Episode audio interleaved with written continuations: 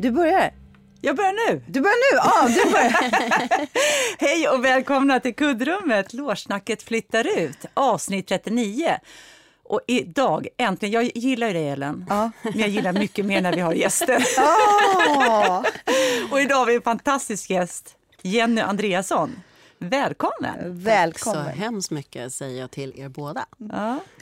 Har ni utbud snusar och cigaretter och allting vad ni snackar om nu? Ja, ja. Alltså jag hade gärna suttit och... Eh, jag fick bara en känsla att det skulle vara skönt att sitta här och röka tillsammans Ja. med er. Men sånt gör man ju inte nu för tiden. Vi drack champagne en gång i, Ja. i podden. Oj, hur podden. gick det då?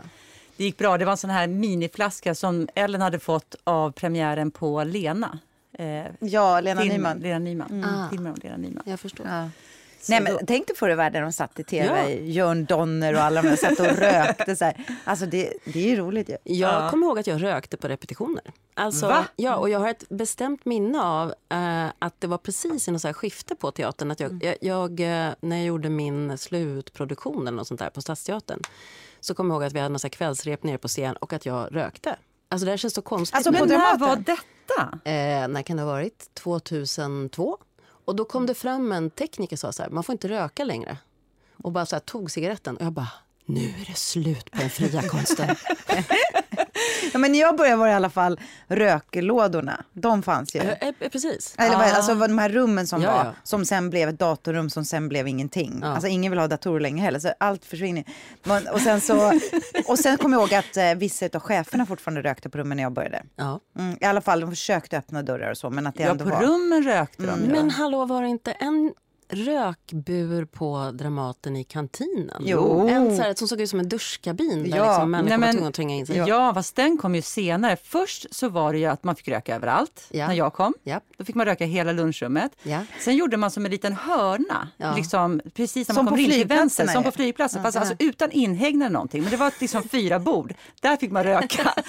Sen glasade man in de där tre, fyra borden i en stor bur. Oj, ja, en wow. stor bur. Så när man gick in där så var det som att liksom gå in i, i liksom rök... Men- eh, helvetet. Jag fattar. Och där satt vi ju, alltså man satt ju och käkade och I- rökte. och så att rökte. man, man hade sin Men mat var det där. liksom där, i- eh, för man brukar säga på skolgården, skolgården så var det ju liksom i rökrutan som de balla var. Var det så hem på teatern? Ja, det, ja, det tror jag. Det jag satt ju där Du satt ju där, ja men bra. på den tiden. På den tiden, Ja. innan du blev en mer sportintresserad kanske? Nej, jag har, alltid varit, jag har alltid kombinerat sport med stark fylla och cigg. Men det har jag också gjort. Det gör jag också. Jag gör fortfarande det. Jag liksom Ja. springer och röker ibland. Ja, just det, liksom. du sa till mig att du ändå undrar en cigarett om dagen. Ja, ja, ja. Ja, alltså jag vill bara säga, mamma jag röker inte längre. Jag röker inte längre. Jag är väldigt stolt över det. Jag har lyckats överkomma det. Men annars håller jag med om att om man sportar mycket så måste man också vara dekadent. Ja, Jag ja, liksom ja. Det måste med finnas det en balans där. Va? Yes. Man måste, och det var det som var det svåra tycker jag, när man slutade röka och alltså att man behöver hitta någonting annat att vara liksom. Ja, vi, vi kan ju komma överens om att vi vill inte bara käka grönsaker och Nej. yoga. Alltså det Nej. måste vara någon balans på. Ja. På- Lagoma korvar som Gösta Ekman sa. Det är mitt Det är ständiga bra uttryck. uttryck. Ja. Alltså lagoma med allt. Japp. Käka allt, gör allt. Men vi måste för våra lyssnare alltså, jag, precis vad jag presentera. tänkte säga. Ellen. vi, vi vill köra en liten presentation av det. Ja, även om vi alla så att, känner så det. att, faktiskt, eh, Så att alla ni som lyssnarna- inte eh, känner igen er lika bra. Jag kör en kortis. Kör hårt. Jenny Andreasson, född 28 juli 1973 i Sollentuna. Mamma, pappa och en son. Du är regissör och författare och gick på Dramatiska institutet 98 till 2002. Du har varit konstnärlig ledare för Spetsprojektet 2006 till 2010. Du har gjort så många pjäser eh, på så många teatrar. Ett axplock, om man ska titta, är ju Helsingborgs stadsteater, Riksteatern, Angeredsteatern, Östgötateatern. Det går att räkna upp hur många som helst. Eh, pjäser som Syskonbädd, Slott i Sverige, Lilla scen på Dramaten, En egen ö, Tjuvar, Lilla scen också Dramaten, Colettes stora scen på Dramaten. Du har varit aktiv i så många år och varit anställd på Dramaten i tio år. Sen har du skrivit en bok och nu sitter vi här. Ja. Så stort, stort välkommen. Tack så hemskt mycket. blev det plötsligt radio. Först var det så här Ja, jättehärligt och verkligen. spontant. Och sen men- det. Men vi vill ändå presentera. Är det någonting du tycker att vi borde ha sagt eller det kanske kommer upp senare? Eh, vi, kan, vi kompletterar under Vi kompletterar. tidens gång. Gång. Men jag måste bara fråga, Sollentuna, Ja. Sollentuna, Exakt. födda 73. Japp. Alltså det, det är ju Ja, Det är lite rörande. Det är väldigt rörande. Ja, Ja, vi gick ju i samma klass, alltså Mm. på lågstadiet. men frågan är, så började du på lekis? Det var det jag satt och funderade på. Gick du i Ja. gula tegelvillan? Det gjorde jag. För då var det där vi träffades. Ah, så här är det, jag och Jenny har ganska mycket gemensamt. Eh, jag gick ju inte på dagis. Nej, Och inte det- jag heller. Nej. Och det här är så roligt, för vi pratade en gång om det här, varför det heter kuddrummet. Och, eh, och, och, och ja, vi har faktiskt inte, det sände vi aldrig egentligen. Nej. Eh, För att jag Why? fulade ur. Jag sa så konstiga saker, jag kunde inte ha med det. Men då kom vi fram till just det här exceptionella att jag inte har gått på svensk institutionsdagis, jag gick hos dagmamma. Utan första gången jag kom till svensk institution var eh, på, På lekis. och se hur det gick. och se hur det... Ett, en, där börjar jag på dagis. Det kan man kalla vuxendagis. Nej. Men, och då träffades vi alltså Gula villan. Mm. Då gick vi på lekis. Det är för, så, så långt Och hur tillbaka gammal är man då? Sex, Sex. år. Sex, år. Och sen så gick ni i samma klass på lågstadiet eller? Ja. Låg- Lågstadiet. Mellanstadiet och högstadiet Nej, eller? bara lågstadiet tror jag. Vi har gått parallellt ända upp till gymnasiet. Precis. Det Gick ni i samma från- gymnasium också? Ja. Fast olika inriktningar? Ja. Ja, så att, när, Men vad gick du Jenny? På gymnasiet. Ja, vad gick du för inriktning? Eh, tro till ej så gick jag naturvetenskaplig linje. Ja. Och du gick, jag gick sam. och du gick sam och jag gick fyra och teknisk. Ja. Åh, Wow. Men jag älskar att gå på lekis där. Har Ja. du, har du, alltså jag har så mycket minnen därifrån. Eh, alltså jag kommer nästan inte ihåg någonting av min barndom vilket frustrerar min mamma som var hemma med mig väldigt länge. Hon är så tack för det. Men eh, jag minns att eh, jag tyckte att det var både, just det där för att jag kanske inte hade varit så jättestora sociala sammanhang så tyckte jag nog det var både väldigt spännande och ganska skrämmande. Och att jag redan då också kunde bli så här obsessed med saker. Jag, mitt tydligaste minne var att bli introducerad till plastband som man kunde göra flätor av. Och att jag liksom, kommer du ihåg det? Jag kommer ihåg dem. Ja, och att jag liksom fick en sån hänga på det. Och jag kunde liksom inte sluta göra flätor. Och sen hade ju... Så jag gömde mig i något sorts förråd och flätade. Liksom. Jag bara flätade och flätade och flätade. Och, eh, jag hade liksom, sen kallade personalen min mamma till ett möte kring den här tvångsmässiga flätningen. Och visade liksom, alltså det var såna mängder med flätor. Jag tyckte det var så vackert. Jag, tyckte, jag älskade den där kombinationen. Och jag, jag, jag flätade nästan ingenting. Jag, var ju Nej. bara, jag lekte ju bara med Tobias Karlsson. Åh, Tobias Ja, Karlsson. Och sen så, jag lekte bara Tarzan, jag Ah. lekte eh, Stålmannen, jag lekte, så det var bara såna lekar. Vi var ju hela tiden djur också. Ja, men jag har ju liksom, om man ska vara liksom helt ärlig, så var, du var ju en person jag menar, såg du mig överhuvudtaget? Jag såg dig. Nej, vad hemskt. Nej, men jag kände mig som barn, alltså, tror jag, i, de där, i den kontexten så kände jag mig ganska så osynlig och liksom, eh, försagd på många sätt.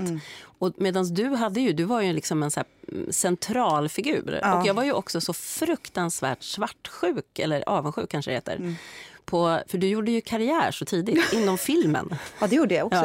Ja. Och teater. Alltså, Ja, ja, du och jag spelade ju en av Ja, de första pjäserna. Nej, men det här måste vi berätta. jävlar. Okej, så här är Det. Så här är det. Att jag har berättat före typ i mitt sommarprat och så här. vi- Det fanns ju Dagmars teater. Ja, allt det här. Så vi- Strålande. ja, Den här jag- tanten som gjorde ideellt, alltså bara sög upp alla barn och lät dem spela teater. Ja, och det, är ju så här, det finns ju ofta en eldsjäl på varje ort som gör att, och, och apropå Sollentuna, det kan vi nästan ha ett helt program om. Vi skulle kunna bjuda in ett pärlband av professionella människor som idag berikar svensk kulturliv, som faktiskt har utav eldsjälar plockats upp i den här sportkommunen. Som Ja, ändå kan, sport, ja. Sporthelvetet. Många vi som gjorde motstånd, jag höll på med sport, jag försökte vara med överallt. Jag, var, jag gjorde allt utom mina läxor.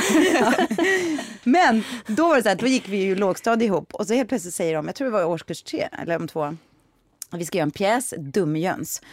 Och det här är så roligt, för det var ju första gången och då kommer jag ihåg att jag och Rickard Achtesson ville båda spela Dumjöns. Och det här är så hemskt. Vi fick gå fram till katedern Ja. och så fick de fråga så här, vem tycker ni ska spela Dumjöns? Just Och så fick alla räcka upp handen det. och då vann jag över Rickard. Och det är så här, alltså det var verkligen Det gjorde ju att han blev en väldigt framgångsrik affärsman sen.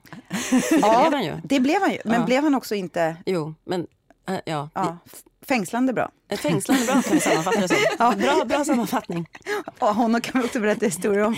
Låt oss inte göra det. Nej, låt oss inte göra det. Men, men då spelade vi Dumme Jöns och Mm. det var ju en fantastisk upplevelse. Jag kommer verkligen ihåg dig där, men det är också för att det finns filmat. Det Ja. blev sensationellt. Vi fick åka ner till kommunalhuset i Sollentuna och spela in det här på videoband. så den finns. Och i många, många år efteråt så visades den här filmen på Töjnaskolan i Sollentuna.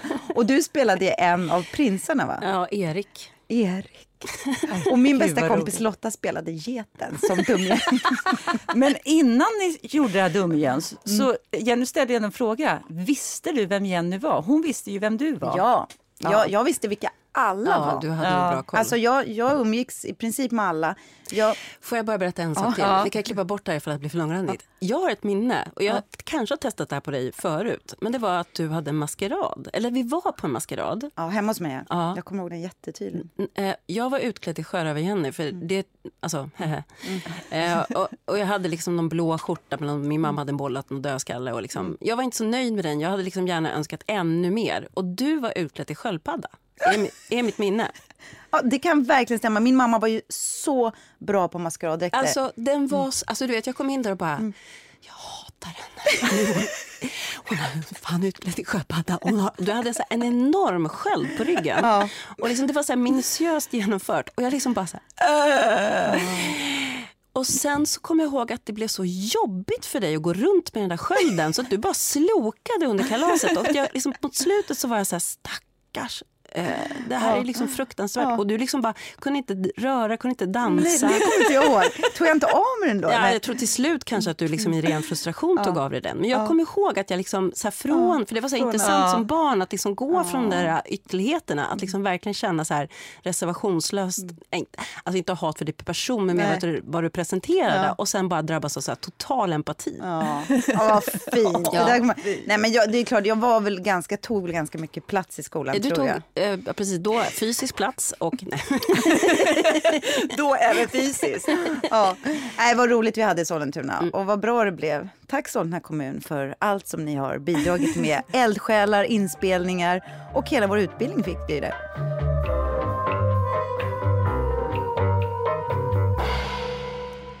Ja, men du, jag måste fråga, eh, dina föräldrar, Ja. är de kulturmänniskor? Eh, Fick du kulturintresset därifrån eller hur kom, det, hur kom du in i den här Eh, världen? jag skulle säga att det liksom har alltid funnits ett eh, kulturintresse i min familj. Eh, ganska starkt. Och också en så undertryckt... Jag tror framförallt min pappa hade ganska starka konstnärsdrömmar som han har förverkligat som pensionär.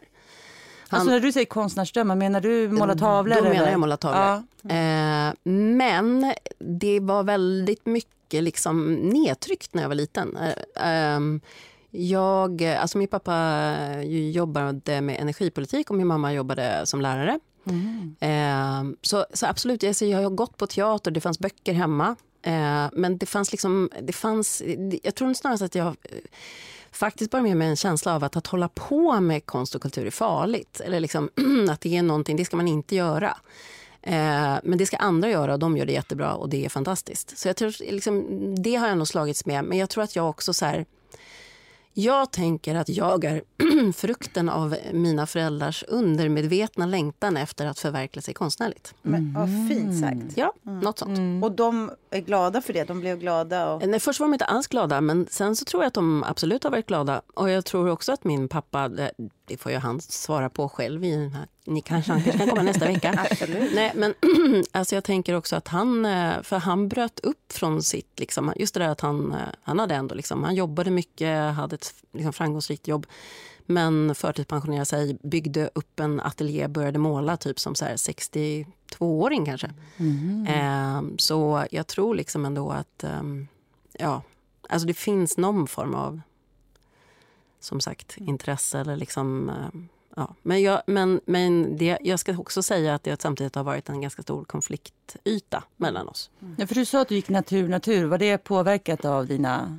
Nej, nej, Föräldrar? nej. Det, Nej. Alltså, det var nog snarast för att jag har nog alltid liksom varit lite, vilket känns så konstigt för jag är ju också i grund och botten en ganska lat person. Men jag är också så här, jag är liksom lite extremare.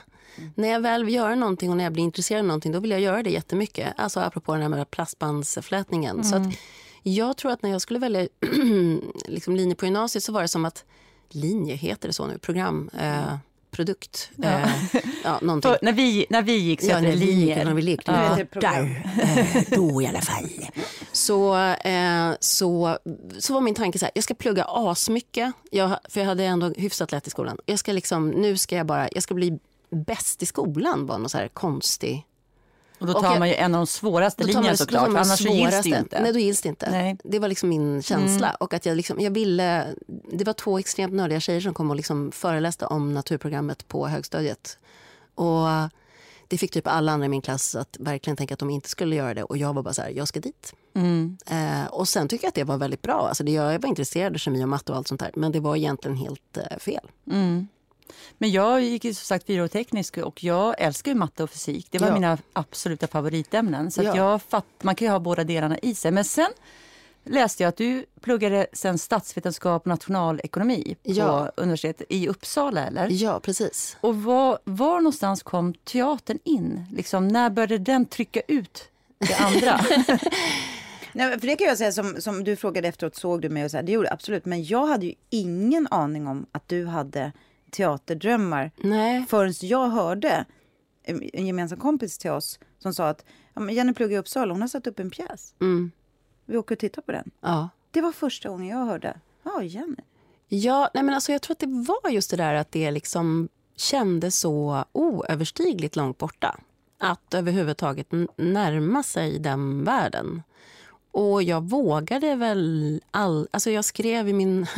Jag har liksom skrivit i mina dagböcker så står det ju liksom så här, jag vill, jag vill hålla på med teater, jag vill bli författare, jag vill umgås med, alltså du vet, jag vill, jag vill till den världen. Och så hade jag ingen aning om jag skulle ta, ta mig dit.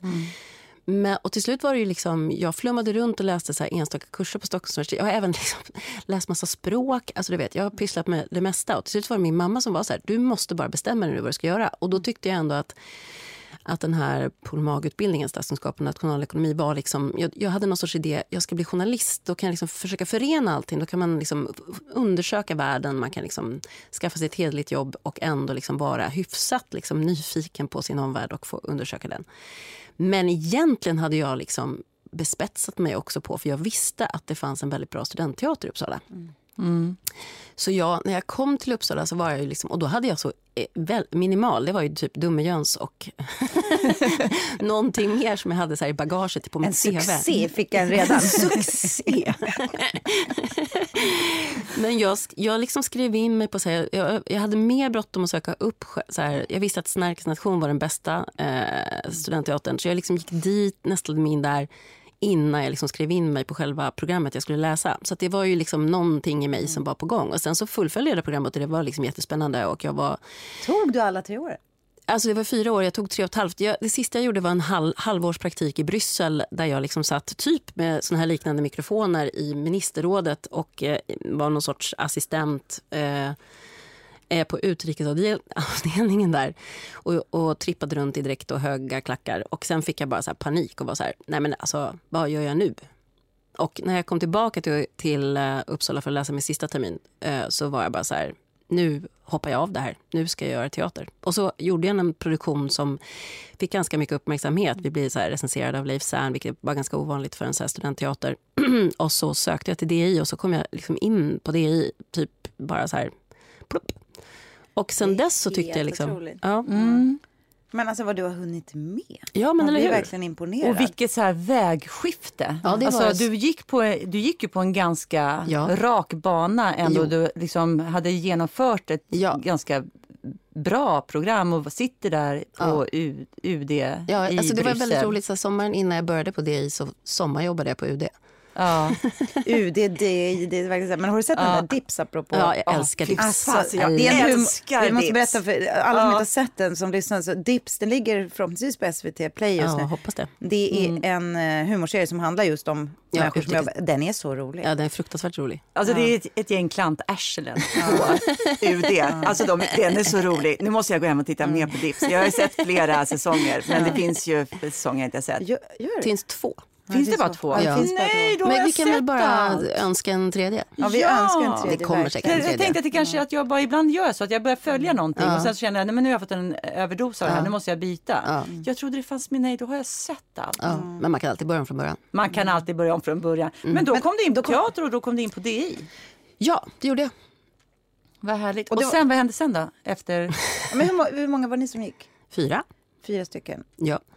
Det var en väldigt speciell tid. Ehm, jag har ju på något sätt så här, ehm, det var en speciell tid på det sättet att jag tror ehm, att man gjorde en sorts medveten satsning på teatern eh, om att få in fler eh, unga kvinnor.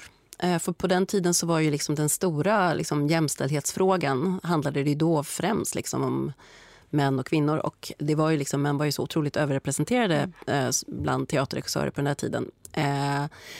Så jag var en klass med tre tjejer och en kille, vilket var så här jätteovanligt. Och sen gick ju vi även på Teaterhögskolan Eh, för att det fanns då en vilja att vi, skulle, vi regissörer och skådespelare skulle lära oss att förstå varandras språk lite bättre. Jag tyckte det var väldigt bra. Jag tyckte väldigt mycket om den tiden. Ska vi inte gå in på spetsprojektet lite? Kan inte du berätta för liksom, de som inte känner till vad spetsprojektet var Va? för något?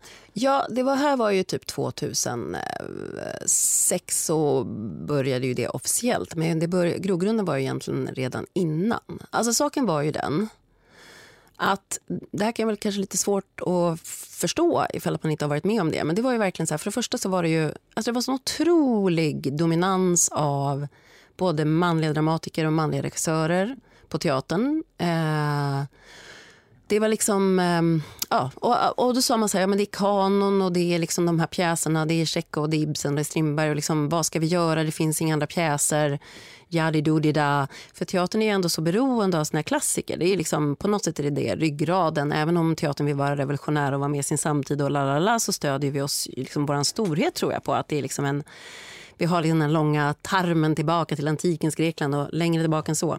Mm. Eh, riten och allt möjligt. Eh, och jag eh, hade så svårt att tycka om de manliga klassikerna. Alltså, det är inte som att jag inte kunde njuta av goda uppsättningar av det eller spännande uppsättningar eller demonteringar eller vad som helst. Men det var som att jag aldrig hittade min egen eh, röst i det. Jag hittade liksom, när jag satt med de texterna så kunde jag liksom inte mm, riktigt eh, förstå vad jag skulle göra med dem. Eller jag tyckte inte att det var tillräckligt roligt att göra så här, åh, tre systrar på ett nytt sätt. Mm. Mm. Och så tänkte jag så här, det måste väl ha funnits några kvinnor som skrev dramatik.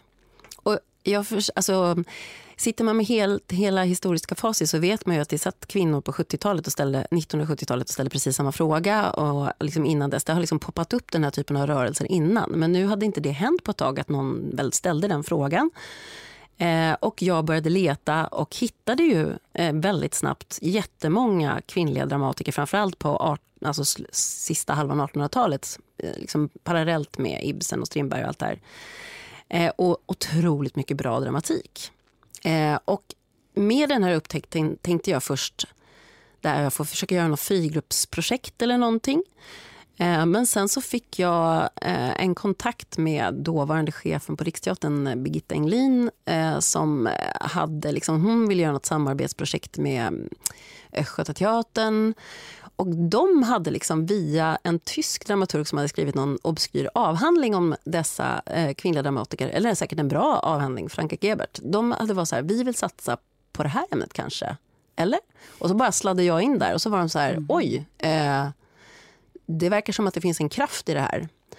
Och då så ordnade vi olika läsningar av de här pjäserna och sen bestämde vi dem. Alltså så här, alltså tillsammans, jag blev liksom någon sorts person tillsammans med andra som kunde liksom kanalisera det här. Så under fyra år så gjorde vi liksom stora och små produktioner av texter av kvinnliga dramatiker genom tiderna för att det finns ju otroligt mycket eh, stark, bra, svinintressant eh, kvinnlig dramatik som på något sätt bara så här städats bort i teaterhistorien. Och att få låta dem möta en modern samtida publik var ju alltså det absolut största som jag har gjort. Men hur många uppsättningar blev det? Eller olika? Alltså jag tror att det blev kanske um, fyra riktigt stora, alltså som spelades på stora scener. Och de under Riks, alla de? Ja, och på turné. Och, vi var på ja. turné i Sverige och Finland. Och Sen så var det även mindre uppsättningar. Och Sen så gjorde vi även så folkbildningsprojekt med studiecirklar och alltså instiftade liksom, eh, Alfhild Agrell-priset efter en av de mest, liksom, eh, eh, de som vi verkligen så riktade ett strålkastarljus mot en, liksom, också en personlig favorit. Och det finns kvar det priset? Nej det gör inte. Det, eh, som allt annat så kan det ställas in i en garderob igen. Men vad tror jag, undrar just varför jag inte har Men fått du det. Du nämnde Alfred Agrell ja. och sen så Charlotte Leffler. Ann-Charlotte Leffler. Eh, Victoria. Benediktsson brukar också nämnas, Frida Stenhoff. Eh, det är väl liksom de som just var liksom eh, de stora namnen på slutet av 1800-talet. Det finns många, många mer. Sen gjorde vi även nedslag. Jag gjorde en, eh, för jag tycker att det också kom fram väldigt spännande dramatik på så här 20-30-talet eh, som var otroligt mycket mer hardcore experimentell. Eh, och då gjorde jag en, en text som heter Syskonbädd av Stina Aronsson som jag tycker är den, en av de bästa svenska pjäser som finns. Eh, som verkligen liksom tar hela också så här jämställdhetstanken vidare. Att om man liksom, de här kvinnorna på slutet av 1800-talet det är ju väldigt mycket så här juridiken och lagen och de, liksom rättigheter och hur ska, vi liksom, hur ska vi bli myndiga och jämställda och eh, få samma rättigheter som männen. Medan eh, de här författarna som kommer senare, de är mer så här, ja, men går in på hur ska vi få samma intellektuella, mentala frihet och sexuella frihet. Eh, och jag tyckte liksom den utvecklingen var så otroligt intressant.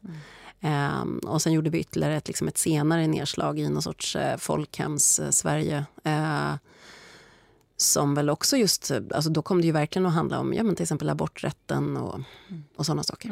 Åh, där vill Men det måste man ju igen. säga. Alltså jag, spetsprojektet även då, du sa 2006, 2010, gick ut 98. Det var ju någonting som det gav ju faktiskt eko i hela teatervärlden. Alltså det, det förändrade ju någonting på riktigt. Alltså det, det skapade en ny karta Ja. av vilka dramatiker vi har. Ja. Så det var ju ett, ett helt... Eh, alltså det var ju verkligen stort. Det fick Ja. verkligen uppmärksamhet. Eh, så det var en stor, stor insats Ja. som ni gjorde. Ja, det var, och, och det var väldigt... Det var en väldigt... ehm, ehm, det, kan, det här är absolut inte spelat ödmjukt, det här är helt ärligt. Jag tyckte det var väldigt skönt att vara del av en rörelse. Alltså så här, att arbeta för att lyfta fram någonting större. Alltså det gav så otroligt mycket mod och styrka att känna så att, ehm, ja, att här kommer vi och vi har verkligen liksom någonting att förmedla. Spelas någon av de här någonstans idag i Sverige? Vet ni det? Alltså det poppar ju upp lite då och då. Eh, men... Eh, eller ja, alltså jag, jag kan inte... Jag, jag har liksom lite grann slutat att så här, eh, bevaka ärendet. Men eh, de finns ju också... Eh, än så länge så är de ju fortfarande med i... Liksom, i mm, om vi då pratar om kanon, jag vet liksom inte riktigt... Alltså det är inte som att den är... Nej, men jag tänker just vad man studerar på litteraturvetenskapen och så vidare. Eh, och även har ju det här, ja men till exempel, ursäkta nu pratar jag helt rörigt och alla tankar, associationer på en och samma gång. men jag tänker att till exempel så har de ju precis genomfört eh, liknande projekt inom operavärlden. Eh, där man liksom också hittar kompositörer och, eh, alltså musikvärlden har ju liksom, där har det ju hänt massa saker de senaste åren. Eh, och där man också står inför samma typ av så här, va? Alltså den här upptäckten av, men gud, för att man liksom har hela tiden levt med någon sorts idé om att kvinnor förr i tiden de fick inte hålla en penna, de kunde inte skapa. Jo, de kunde visst skapa. Alltså det, det är bara det att em, vi tydligen hela tiden tvingas att återuppfinna eh, liksom, tron på att vi kan ta den platsen. Eh, Men sen är det lite sorgligt också att man kommer ju också tillbaka till, apropå de här lagliga rättigheterna som Ja. du pratar om. Där skulle man ju vilja slå ett slag nu. Jag kommer ihåg när vi gjorde Fröken Friman, då var det jättemånga ungdomar som, det var ju en tv-serie som gick, som handlade just om Ja. eh, rätt, att, förkämpen för, för kvinnlig rösträtt. Det var jättemånga ungdomar som, eh, som sa så här, va? och jag spelade ju en homosexuell tjej. Fick man inte vara, för hundra år sedan fick man inte vara homosexuell. Och nej, Man fick fängelse i Sverige. Så det känns som att det där är Mm. inte värt bara att för berätta. hundra år sedan, men tid, alltså, långt senare än så. Ja, i Sverige, ja precis. Det här utspelade sig för hundra år sedan. Men, men ehm, det känns som att det är värt att berätta lite då och då. För vi står ju Ja, inför gud, ja. väldigt stora, Ja. och med lagliga Ja. bakslag för Ja, kvinnligheten. verkligen. Mm. Som du, jag tyckte det var så bra, du nämnde dramaturgisk. Först lagen, sen det andliga, Mm. ehm, spirituella, konstnärliga eller friheten man kan göra. Men nu är vi tillbaka i lagen. Ja, jag vet, men det, jag har en spaning som Ja, jag brukar berätta. dra. Som jag, all, jag har känt att jag har dragit den spaningen några gånger. Eh, men det är typ, jag har känt känt som någon lyssnar. Men jag försöker dra den nu igen. Ja, men har du sagt det officiellt? Alltså, så du Ja. har sagt det? Okej. Nej men alltså, eh, för jag tyckte själv när jag liksom har forskat, för jag har ändå gjort någon typ av så här, Mm. alltså, eh, ganska mycket egen forskning kring liksom hur eh, ja, men kvinnligt konstnärskap eller liksom, eh, särskilt liksom dramatiker, de här texterna liksom läst från, liksom, ja, men verkligen försökt att greppa så långa tidsspann som möjligt. Och då tycker jag det är så tydligt att just de här mest fria perioderna Alltså de perioderna i samhället där, man, där de här sakerna, där man liksom vinner rättigheter och när, eh, där det också finns en, en viss liksom liberalare åskådning följs alltid ju mm. av krig, av militarism, av, liksom, av maskulinitet som på något sätt så här, kommer in... Fundamentalism rent religiöst? Ja, ja absolut. Och, och, just, men, men det, alltså, och det kommer jättemycket om att begränsa liksom, människors rättigheter och då... Eh, alltså, kvinnors? Ja, kvinnors eller liksom oliktänkandes eller eh, andra typer av sexualitet än det normativa. Eh, och det är ju liksom bara så plågsamt att mm. känna att vi kan liksom vara där igen. Mm. Mm. Att det vi trodde att vi hade vunnit det är ju liksom det som är så um, läskigt. Hade du, apropå vår bakgrund, hade du Arne som historielärare på eh, gymnasiet? Arne? Arne? Ja, han var fantastisk. Eh, han sa så bra, han sa så här, vad vi lär oss av historien är att vi inte lär oss av historien. Mm. För du, man skulle kunna rita upp de där cyklerna och säga, men nu, ungefär som man gör med ekonomisk hög och lågkonjunkturer, ja. så skulle mm. man kunna mm. göra det. Och så skulle man faktiskt kunna dra Eh, inte bara paralleller utan försöka motverka att de där mm. eh, ja, lågkonjunkturerna verkligen. kommer i...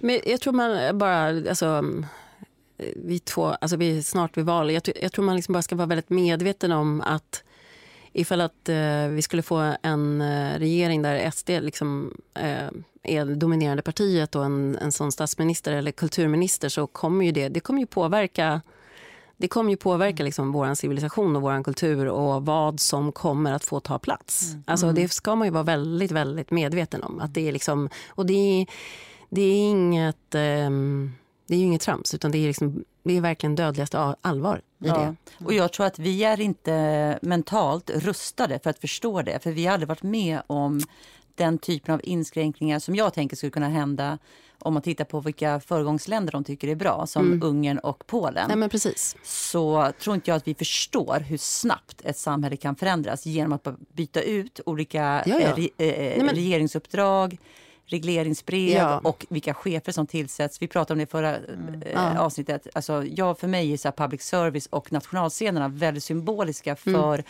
vad, hur du kan ta makt och förändra samhället väldigt, väldigt snabbt utan att du förstår att det händer. Ja, men verkligen. Det är för sent. Verkligen. Alltså, jag läste på nu igen. Alltså, det, inga, eh, ja, man får vara försiktig med paralleller. Eh, men det var ju ändå intressant till exempel med Dramaten under... Eh, alltså, de hade ju inte så jätte bra år under eh, andra världskriget. Alltså, det var ju, alltså man, man, alltså, man gjorde gästspel i Berlin med Gustav Vasa, man satte upp en pjäs av Mussolini. Under alltså, kriget? Ja, 40, mm. 41 till, eller 40 till 42 var en, en ganska liksom, brun historia om vi pratar om vår nationalscen. Och, alltså, jag menar, jag bara, man ska vara, verkligen vara medveten om det. Och det, är liksom, det handlar verkligen om, precis som du säger, eh, för det, det, är också det jag försökt skildra i min bok, i teatern, där, att, att strukturerna är så starka och hur hierarkierna och hur allting styrs är liksom, det går så himla fort att rasera någonting mm. eh, och låta liksom andra värderingar komma in. Um, så ja, nej, jag tror verkligen att uh, om, om vi kan liksom skicka ut någon signal, mm. tänker jag, liksom bara, eller så är det just det att man verkligen måste tänka var man lägger sin röst den här gången. För att vi står liksom inför ett skifte som ju kan sluta i någonting kanske värre än vad vi föreställer oss.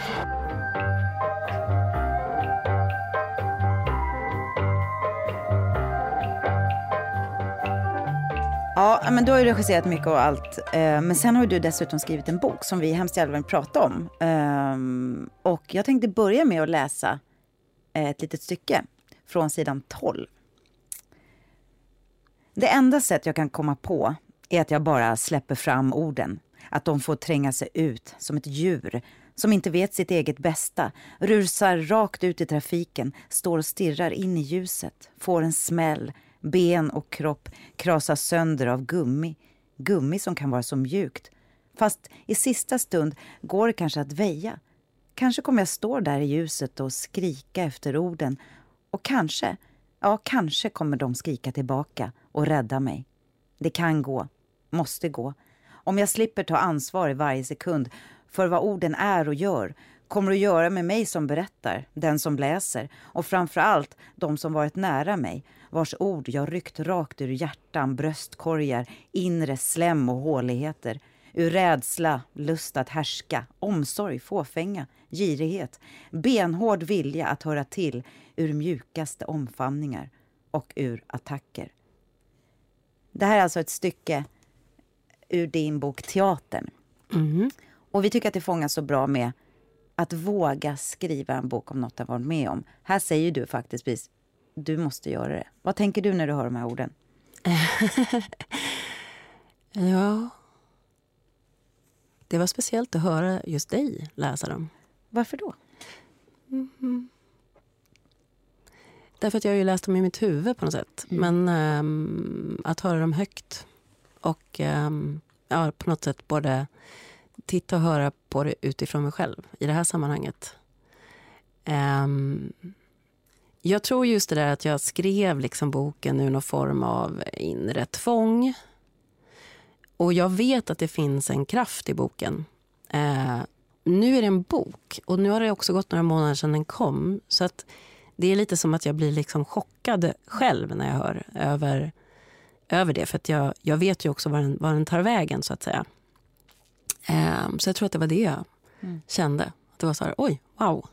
Det, den, är otro, den är så eh, fint formulerad och vackert skriven. Så som skådespelare så vill man ju läsa den högt. Ja, Ja, och det känner man ju när man gjorde det nu. ja, Att det här är eh, allt som du har hämtat ur teatern och allting. Din formuleringsförmåga och dina vackra eh, liknelser och allting är ju helt otroligt hur du har beskrivit vår gemensamma arbetsplats. mm. Det kan vara Dramaten, det kan Ja, men ska vara vi prata lite om det? För att, för att det är ju så, det är ju en, du har sagt så här, det är en roman. ja. Så det ska vi ändå så här hålla i minnet. Ja, men så här, för nu pratar ju vi som att vi, för det blir att vi, det kan ju bli att vi lägger på dig att Ja. du har skrivit en biografi om dig själv. ja. Och jag tänker så här, jag som då själv har skrivit en monolog Ja. om min familj. Ja. Så sa min mamma någon gång så här, men det där, Danja, det där stämmer inte. Jag bara, nej, men jag skriver hellre bra än sant. Det här är ett verk, det är en pjäs, det är vårt liv. Men, ja, men det var ju han som sa det. Ja, men jag kan inte föra in en till karaktär. Nej, precis. Tänker du att vi ska förhålla oss samma sak på sätt Ja, till boken? ja men det tycker jag. liksom? och det Att- tycker jag är liksom ett vettigt sätt. Och det, jag tycker också att det ärliga sättet är att presentera det som en roman. Mm. Alltså jag har ju fått höra att vi, förlaget har kallat det för roman för att annars skulle jag bli stämd. Och, liksom, och det är så här, nej. Jag, för jag, jag tror också att jag skulle ha svårt att tala om de här sakerna ifall att jag, ifall att jag inte just hade hittat, om jag inte fick använda fiktion eller fick kliva in i en värld, alltså kliva in i den här rytmen, den här rösten, eh, så tror jag inte att jag hade eh, kunnat göra det. Eh, och det är absolut också så att det finns liksom dramaturgiska grepp i boken, som, eller liksom just det där att nej, men det kan inte vara två personer, det får bli en person. Eh, och så vidare. Och sen är det ju också att jag på något sätt eh, jag har ju liksom, mitt, mitt mål med boken har ju varit att jag har velat skildra vad maktstrukturer på en kulturinstitution kan göra med människor. Med den här huvudpersonen, med alla människor som är i den här boken i det här liksom myllrande systemet. Och det är klart att jag liksom vet att ja, jag jobbar på Dramaten. Det är klart att det, och det, är liksom, det står ju till och med Nybroplan. Jag fattar, jag fattar, jag fattar. Men det var, liksom, det var som någon sorts eh, vädjande till läsaren om att ändå liksom ta det där lilla klivet med mig. Att på något sätt så här, okej, men titta på det här på kanske ett annat sätt än, än att det bara ska liksom just vara min självbiografi eller liksom fokus på mig. Och varför man skulle kunna tänka att det är en självbiografi, det är för att teatern, boken, Ja, är utspelar sig på en institution vid Nybroplan. ja, ja. Det är en uppsättning av Hamlet Ja. som läggs ner. ja Och du har ju Ja. eh, gjort den resan. den resan. Så Absolut. därför liksom går de här världarna Ja, ja. lite liksom så här, lägger sig som en liten spegel liksom över varandra. Eh, Spegel säger man inte, men som en liten... Men så här, ganska bra uttryck tycker ja. jag. Som en spegel av varandra. Ja, Topp. så att vi har liksom, vi rör oss i ett, ett, ett mellanland. Mellan, Så att ibland kommer det ju säkert låta som att vi pratar om reality och ibland Yes. pratar vi boken. Men de här världarna Går in är i lite, varandra. går in i varandra. Ja. Ja. Så vi bara sorterar eh, varför vi eh, pratar som vi gör. Men du, eh, Hamlet, den Hamlet du gjorde, lades ner 2016 va? Mm. Boken kom ut 2022. Mm. Vad hände mellan de här åren? Jag lyssnade nämligen på en intervju med Anneli Duva Mm. som du gjorde våren 2016. Oj. Där du formulerade att det är för tidigt för mig att prata om den här. Just Hon det. frågade dig om varför den lades ner och du var väldigt tydlig med att sätta... Du sa att du satte liksom en gräns, att du inte ville prata om det. För att du själv behövde tid att formulera vad du egentligen har varit med om. Och Ja, alltså det där är lite, lite- dubbelt. För att precis, det var ju ändå så att det var ett ganska stort medialt em, tryck på att få reda på vad som hade hänt med den här eh, Hamlet-uppsättningen som lades ner. Och jag valde ju att inte, alltså jag valde att inte prata om det, men jag blev ju också ombedd att inte prata om det. Mm. Eh, och sen när det hade gått lite tid, alltså där på våren, så blev jag ju frågad både av DN och av Anneli att liksom så här, prata om alltså, vad, jag, vad jag hade velat med den här produktionen och liksom vad, överlag mitt konstnärskap och sådär. Och då fick jag ju frågan, det, liksom, det var ju oundvikligt, det var ju liksom, på något sätt var det ju så här. Eh, och det jag kan säga är att för mig är det dubbelt, det är två saker samtidigt. Det ena var att jag just kände så här, det här var så komplext så att om jag ska klara av att beskriva det, då behöver jag typ skriva en bok. Alltså det kände jag verkligen att jag ville inte göra mig på ett sätt skyldig till att liksom gå ut och vifta i, i media och göra något liksom utspel med fönat hår och bara "Wah!" Utan jag tänkte så här, det, det här, om jag ska prata om det här då vill jag prata om det på det liksom försöka göra det liksom så pass intressant som möjligt. Eller vad man ska säga. Men den andra faktorn var ju att jag var, eh, jag var ju verkligen ombedd att hålla käften. Mm. Och ehm, den positionen, jag lydde ju det. Alltså jag lydde ju den eh, orden, eller vad man ska säga. Och försökte hitta ett fritt och härligt sätt att eh, presentera det på. Mm. Som att det var mitt val. Eller liksom, ja, men det är för att jag vill vänta. Men jag var ju... Alltså jag, och det gjorde jag ju för att jag ville liksom skydda människor och för att jag ville skydda mitt eget jobb och min position på teatern eh, och så vidare. Så det var ju liksom... ehm, ja, det är väl sanningen varför jag uttalade mig på det sättet. Alltså, båda de sakerna. Men jag tycker det är intressant för boken börjar med, för det här känner jag igen. Det börjar med en regissör som är väldigt trött redan, som har det ganska tufft. Som Ja. dessutom har gått igenom en stor traumatisk förlust av en vän. Och du bestämmer dig, eh, regissören i boken bestämmer sig för att gå upp och säga upp sig helt enkelt. Eller inte säga upp sig, ta Tjänstledigt. tjänstledigt. Och jag har en liknande historia där, för det här är så mytomspunnet. Vårt chefsrum då, alla ni som lyssnar, det är ju omskrivet i många böcker. Och även denna, den här chefskorridoren. Det står teaterchef på dörren med en blänkande skylt. Och eh, jag har också traskat dit en gång efter en repetition och sagt att nu, nu säger jag upp mig. Och då var jag, jag tror inte ens jag var fast. Så Nu, jag, jag ska gå härifrån, jag ska säga det nu. Och det här var under eh, Staffan Valdemar Holm. Jag taskar upp dit väldigt bestämd och det slutar med att jag går ifrån rummet med ett nytt manus under armen.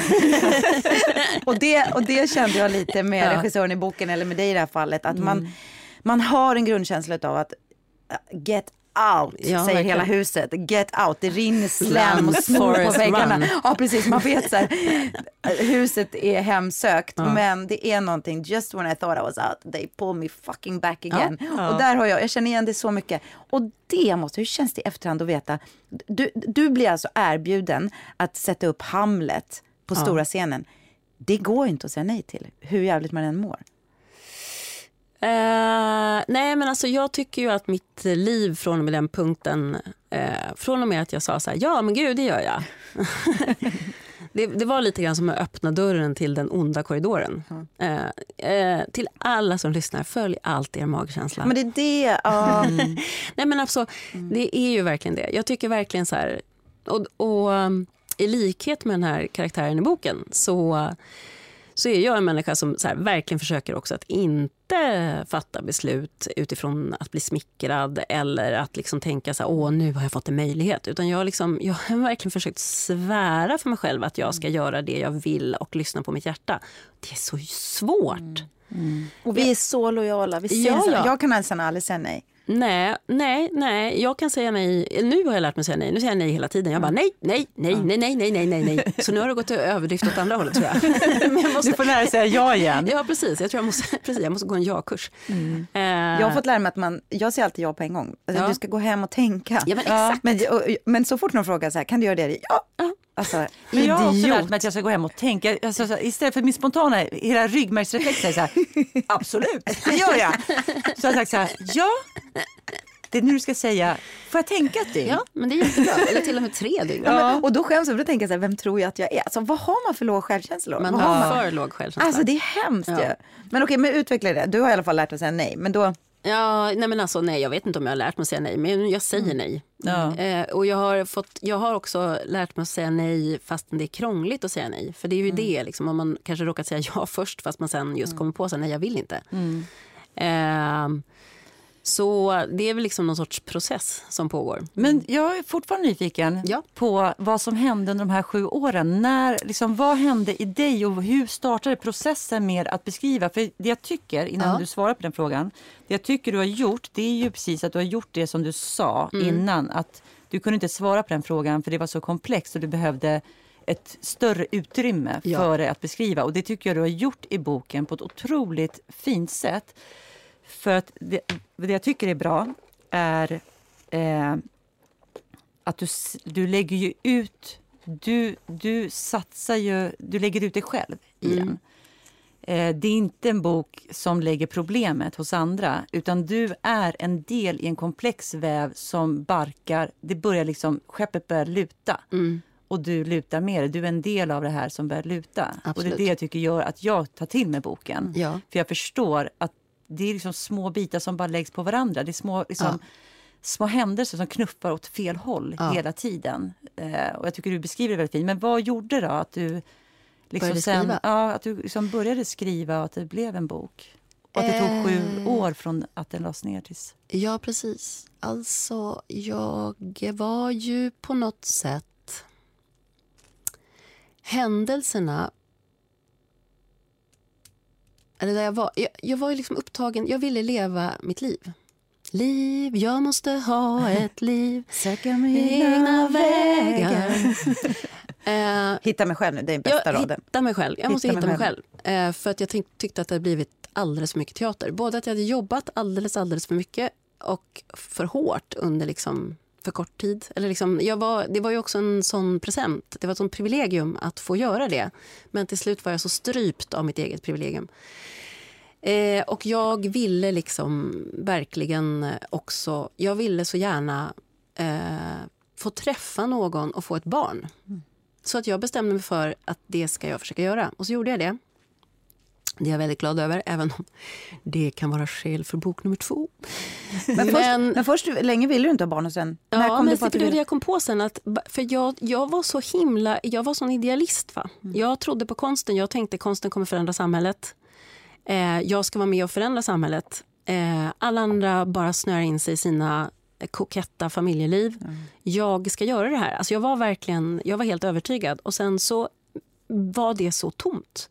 Också därför att Dramaten är ju en, kan vara en problematisk eh, arbetsplats och jag kände också att jag började liksom mer och mer ifrågasätta liksom, vilken roll har jag på teatern. Eh, det kom en ny chef som hade andra värderingar än den som var innan. Jag hade nog gjort klokast i att kanske gått någon annanstans och kunnat förverkliga det jag ville göra någon annanstans. Men jag tyckte så mycket om att vara på teatern. Mm.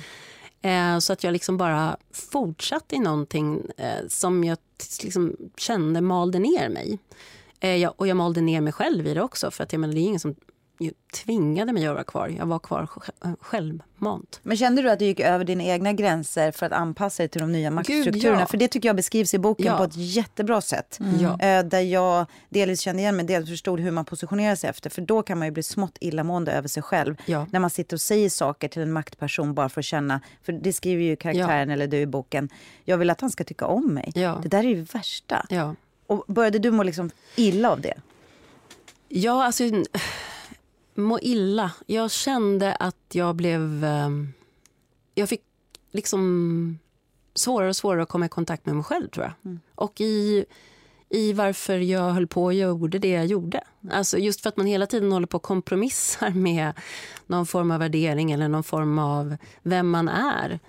Eh, så blev det liksom... Jag tyckte det blev svårare och svårare att ehm, känna mig motiverad och känna att jag visste vad fan jag höll på med. Alltså det var verkligen... eh, Och också den här, eh, alltså det som kom att hända, att jag på något sätt också blev ombedd att vara tyst och inte vara ärlig. Och liksom, det gjorde ju att jag... eh, Jag blev liksom så jävla urgröpt.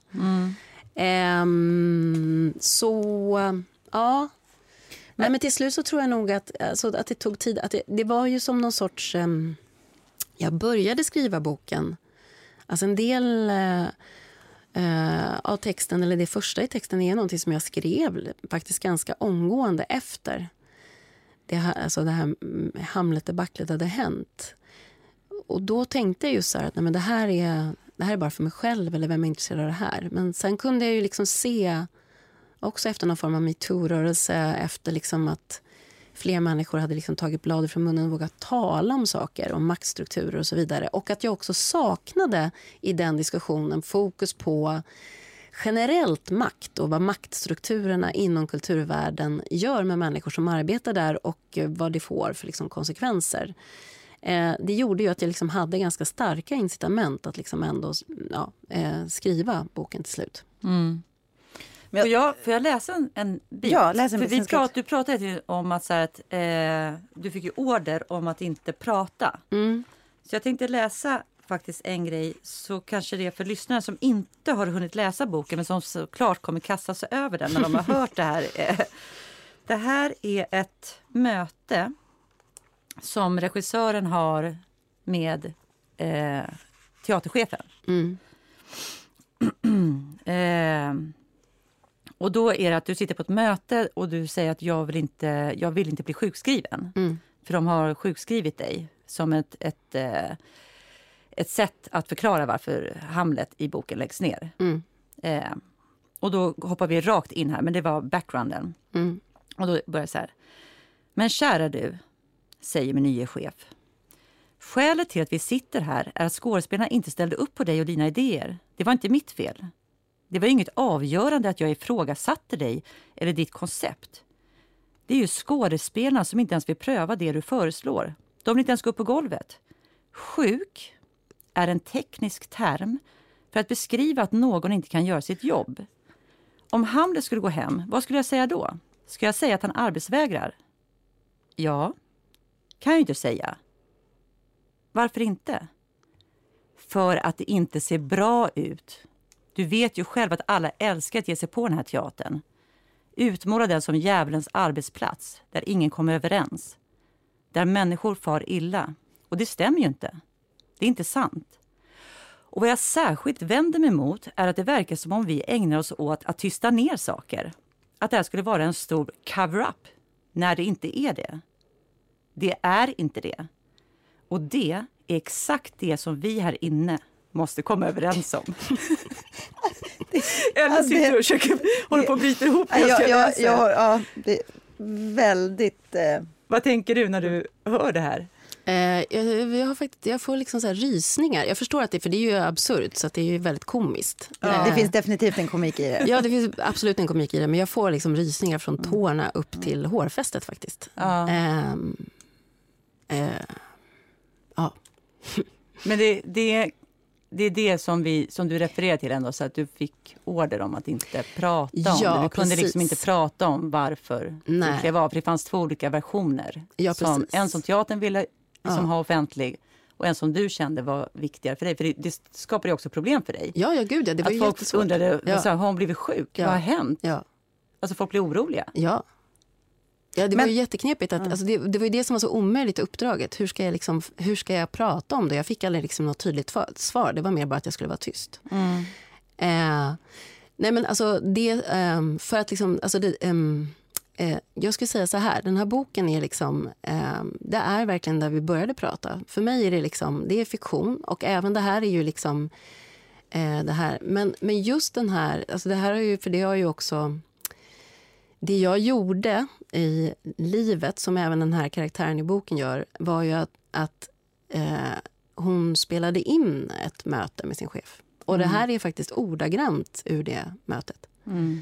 Um, så jag tror det är därför att jag, jag blir, alltså jag, jag tycker men, ju att det är roligt, ja. men jag blir också illa berörd. Nej, men jag ser men, lite att ja, du blir lite shaky. Men, ja. men vad är det som men växer i dig? Liksom? Men jag, jag får bara säga sak, att det är så intressant, för att det finns ju också en del av att det är så här vi har hanterat problem. För jag tror, jag tänker, det finns ju mycket man tänker när man läser boken och så, och mycket vi vet. Men, men att eh, han som chef gjorde också det för att skydda dig. Att det fanns ja, ja. Så att, ja, för, att, för att jag tänkte för när jag hade problem på scenskolan, då sa ju rektorn till mig, önskar att jag hade spelat in det samtalet faktiskt. Så det, men då sa de också så här, vi tycker att du ska gå hem nu och så tycker vi att du ska skylla på att du är med barn. Så att inte det här kommer ut i branschen. Därför att du är kvinna. Exakta orden. Och jag menar, jag har inte det inspelat men eftersom jag upprepar dem så många gånger så känner jag så att jag är ganska säker på att det var ungefär så de gick. Eh, och jag var nog ganska tyst så det var ingen dialog. Och eh, det är så vi har löst konflikter till mångt och mycket. Det har varit en missriktad skyddande av människor och en missriktad lojalitet. Från vi då innan, jag sa ju samma sak, jag sa ju till rektorn på Teaterhögskolan, det kommer jag inte gå med på. Jag kommer aldrig skylla på mitt ofödda barn, för där går en gräns, det är ett oskyldigt barn. Eh, men så jag tog ju konsekvenserna och pratat väldigt mycket om det. Men men det är, historiskt sett så har vi inte gjort det. Vi har, Nej, exakt, vi har sjukskrivit folk, vi har skyllt på saker. Därför har vi inte utvecklats heller. Nej, exakt. Och därför så kan också en, en arbetsplats bli väldigt dysfunktionell Mm. och en bransch bli dys- dysfunktionell. Därför att man håller på med det här. Eh, Men jag vet andra kompisar till mig som också blir sjukskrivna när de har blivit vuxenmobbade på jobbet till exempel. Då har de blivit sjukskrivna. Och det är klart, då kommer vi tillbaka till att det är en teknik, det, det är tekniskt. Vad är sjukdom? Vad är liksom, ja, men, men istället för att liksom ta tag i problemet så har de blivit sjukskrivna istället för att ta bort den som mobbar. Det här sker ju så mycket på våra arbetsplatser. Ja, det här är någonting man ska göra. Men vad tror du hade varit en bättre... Hur, hur tänker du? Alltså, för det här tror jag skapade, det kan jag ju säga som är kvar Mm. och som satt i olika forum där det här kom upp år, alltså Mm. år efter att Hamlet lades ner. Så kom det upp så här, vi har inte haft den utvärderingen. Vi Mm. har inte haft den utvärderingen. Det var som ett, ett, ett sår som aldrig kunde få en sårskorpa Men det är fortfarande ett sår. Det är fortfarande ett sår. Alltså, vad tänker du hade varit bättre om man skulle titta ur en läkande process för alla inblandade? Dig, skådespelarna, teatern. Vad hade varit en bättre väg att gå? Eh, alltså jag tror att ha en utvärdering... Ehm, eh, jag, jag är eh, för utvärderingar. Jag tycker det är bra. Jag tycker det, en, en arbetsplats man slutar ha utvärderingar då tror jag att man har liksom problem. Sen kan man ju tycka att mm, utvärderingar kan vara väldigt pliktskyldigt utförda. Men jag tror att... ehm, Mm, och, och det var ju så att vi försökte ju, det, men det, det lades på mig på något sätt att jag skulle ordna den här utvärderingen eh, i det initiala skedet. För att jag var, alltså, och jag tyckte bara att det var för mycket. Alltså jag var bara så här, jag, jag hade liksom, det var, jag, jag var bara så här, men det är inte mitt ansvar att jag ska ordna en utvärdering eh, kring det här. Och det blev också så jävla svårt just därför att det här hade uttalats som att vi inte skulle prata om det. Hur ska vi då prata om det? Alltså då blir det ju omöjligt att prata om det. Och jag tror ju, jag menar, med liksom all kärlek och respekt till alla människor inblandade i det här projektet. Vi, vid en utvärdering, vi hade behövt en extremt professionell person som hade kommit utifrån och kommit in och tror jag och pratat om det här. Och det hade varit förmodligen extremt lärorikt om vi hade kunnat göra det på ett bra sätt. För hade vi gjort det på ett slarvigt sätt hade bara liksom de konstnärliga konflikter vi var i och liksom de som spann över i någon form av personliga konflikter, de hade ju bara fortsatt. Och det kanske, för jag menar det är ju det också som är teaterns någon sorts grunddjur, att man fortsätter, man bara fortsätter. För det kommer hela tiden en ny produktion, det kommer hela tiden något nytt. Man ska möta varandra igen och så bara så här, nej vi bara liksom vidare, vidare, vidare. Det finns en möjlighet till det för att man kan glömma, man kan gå vidare. Men vissa saker är jättesvåra, just att de, de sitter kvar. Och jag tror ju att det här sitter kvar för att det liksom för att det, det liksom tyst, tystnaden kring det var ohälsosam. Och sen kan man liksom säga så här, ja det kanske hade varit skitjobbigt ifall att det här hade liksom kommit ut i tidningarna och det kanske hade varit jobbigt för olika människor. Men å andra sidan så, jag vet inte. Jo, men det jobbigt ju för inte- vem? Ja. Alltså för ledningen eller för, för oss anställda? Eller liksom... Men, men det togs ju inte heller internt. Det är en Nej, sak man, ex- men, men jag kan sitta så här, när vi sitter så här och pratar nu så kan jag känna så här, men alltså det är faktiskt inte för sent för en utvärdering. För när jag, för när jag läser din bok och när jag ser de här långa bågarna vad som har hänt. Jag ser ju, jag som var med parallellt till exempel när vi gjorde eh, Kriget har inget kvinnligt ansikte, jag som var med när vi fick en ny chef. Helt plötsligt, för att vi har backat ut och fått perspektiv så kan jag se att det finns intressanta bågar här som faktiskt förklarar vad som hände. Eh, när du pratar om din, vi pratade om tidigare om din, eh, dina feministiska läsningar och att de inte gick med på det. Det här är innan metoo. Jag tror att skulle man sätta sig ner och göra en utvärdering idag så skulle man faktiskt kunna lära sig någonting utan att det blev personligt sårigt attack. Ja, men, men det där är inte min sak att kalla till en utvärdering, men jag tror Men att jag, det skulle kunna... jag, tror, jag hakar på det där, för det, Ja. det som har hänt efter är ju metoo, tystnadtagning. Det gjorde ju att vi gick ju igenom någonting. Alltså, det, gemensam det ledarskapet som Ja. du beskriver här Ja. med den här teaterchefen Ja. var ju teaterchef under metoo. Mm. Och det var ju någonting för mig personligen som hände där, där jag kände det här ska förändras. Mm. Vi ska inte sitta i den här skiten, alltså Nej. i de här typ av strukturer Mm. där, eh, vi inte, där vi inte förändrar. Alltså nu har vi chansen att Ja. ändra. Och, och för mig blev det, jag blev, jag blev verkligen, jag kom till en punkt där jag kände om inte det förändras så kan jag inte vara kvar. Alltså jag, jag kände att jag satte mitt liv Mm. Inom teater. Jag tänkte att jag byter jobb i så Mm. fall. Jag kan inte leva med att vi skruvar, liksom att vi tar det här språnget och så skruvar någon tillbaka tiden Mm. till någonting som var innan. Men det gjorde ju att vi, vi, vi, blev ju en väldigt sårig arbetsplats Ja. under den här tiden. Och det var en händelse som hände som jag tycker där vi faktiskt gjorde på ett annat sätt än vad ni, än Mm. vad det här Hamlet gjorde. Och det var ju att det kom ut ett tackbrev Mm. till när vår eh, teaterchef slash vd på den tiden, Mm. eh, det var ju samma, eh, alltså man, hade, man, hade, man var både teaterchef och vd, vi Mm. har inte så längre. Det kom ut ett tackbrev eh, när han hade fått sluta. Mm. Och då, det blev, det blev ett sånt sår. Mm. Eh, det blev liksom ett, ett en, det skapade något så jävla märkligt. Men då tog teatern in en extern psykolog Ja, det var bra. för att eh, hjälpa oss Mm. att komma vidare. Och det var faktiskt jävligt bra. Mm. Eh, det var inte mycket tid hon la, men hon, för mig var det för att hon gav mig några nycklar till att kunna förlåta Mm. och gå vidare. Mm. Och det en sak hon sa var människor i kris tappar sin moraliska och etiska standard. Man gör saker som man inte skulle gjort annars. Man Mm. säger saker man inte skulle gjort. Och det gäller ju både mig själv. Mm. Eh, jag är säker på att folk kan ha uppfattat mig på ett sätt som de tänker så här, men vem är Tanja? Jag känner inte igen henne. Mm. Likaväl som jag såg människor som jag tänkte, vad gör den där människan? Är Ja, den galen? verkligen. Ja. Men Så det, jag tror att det du var inne på, hade, ni hade behövt en extern. ja, ja, gud ja. En människa som hjälpte er, Mm. som var professionell, som kan hantera, Mm. krishantera på Mm. ett bra sätt och Mm. leda människor igenom en Och det här hade aldrig sett ut så här efter metoo. Nej, som för det blev. jag har varit med i ett annat projekt Ja. som inte varit så himla härligt. Men det hanterades på, faktiskt på ett annat sätt. Ja, men det låter ju jättebra. Det är bra. Alltså, för jag tror också att ehm, det är ju mer komplicerat att prata om saker. Eh, men jag tror ju i längden att det är ju den enda vägen att gå. Och jag tror ju att människor inom... Alltså det är ju just den här att det finns en så rädsla för att då ska saker gå sönder ännu mer. Men just ifall att man verkligen tar professionell hjälp och man vågar liksom så här, ja men vi bjuder in någon utifrån som kan titta och ge människor nycklar, då tror jag att det ändå är ett sätt att kunna arbeta sig vidare och att det ju behövs. För, att, för just det där att liksom bara rulla in allting i den tjocka mattan, det är liksom en värdelös strategi för det, strukturer blir liksom eh, skörare och skörare eh, på grund av det. Och det, det har ju blivit väldigt känsligt där och det är ju nästan ingen som har pratat med oss om boken på teatern. Nej, jag har Nej. förstått att Ja. tystnaden fortsätter. Och- Ja, eh, och det! Vad är det? Alltså jag, faktiskt, jag är så glad att du sitter här idag. Och jag tänker så här, Och- och- ja, men vi har ju kollegor som vi tycker jättemycket om och Ja. som säkert är kanske jätteledsna för eh, hur de kanske framställs i den här boken.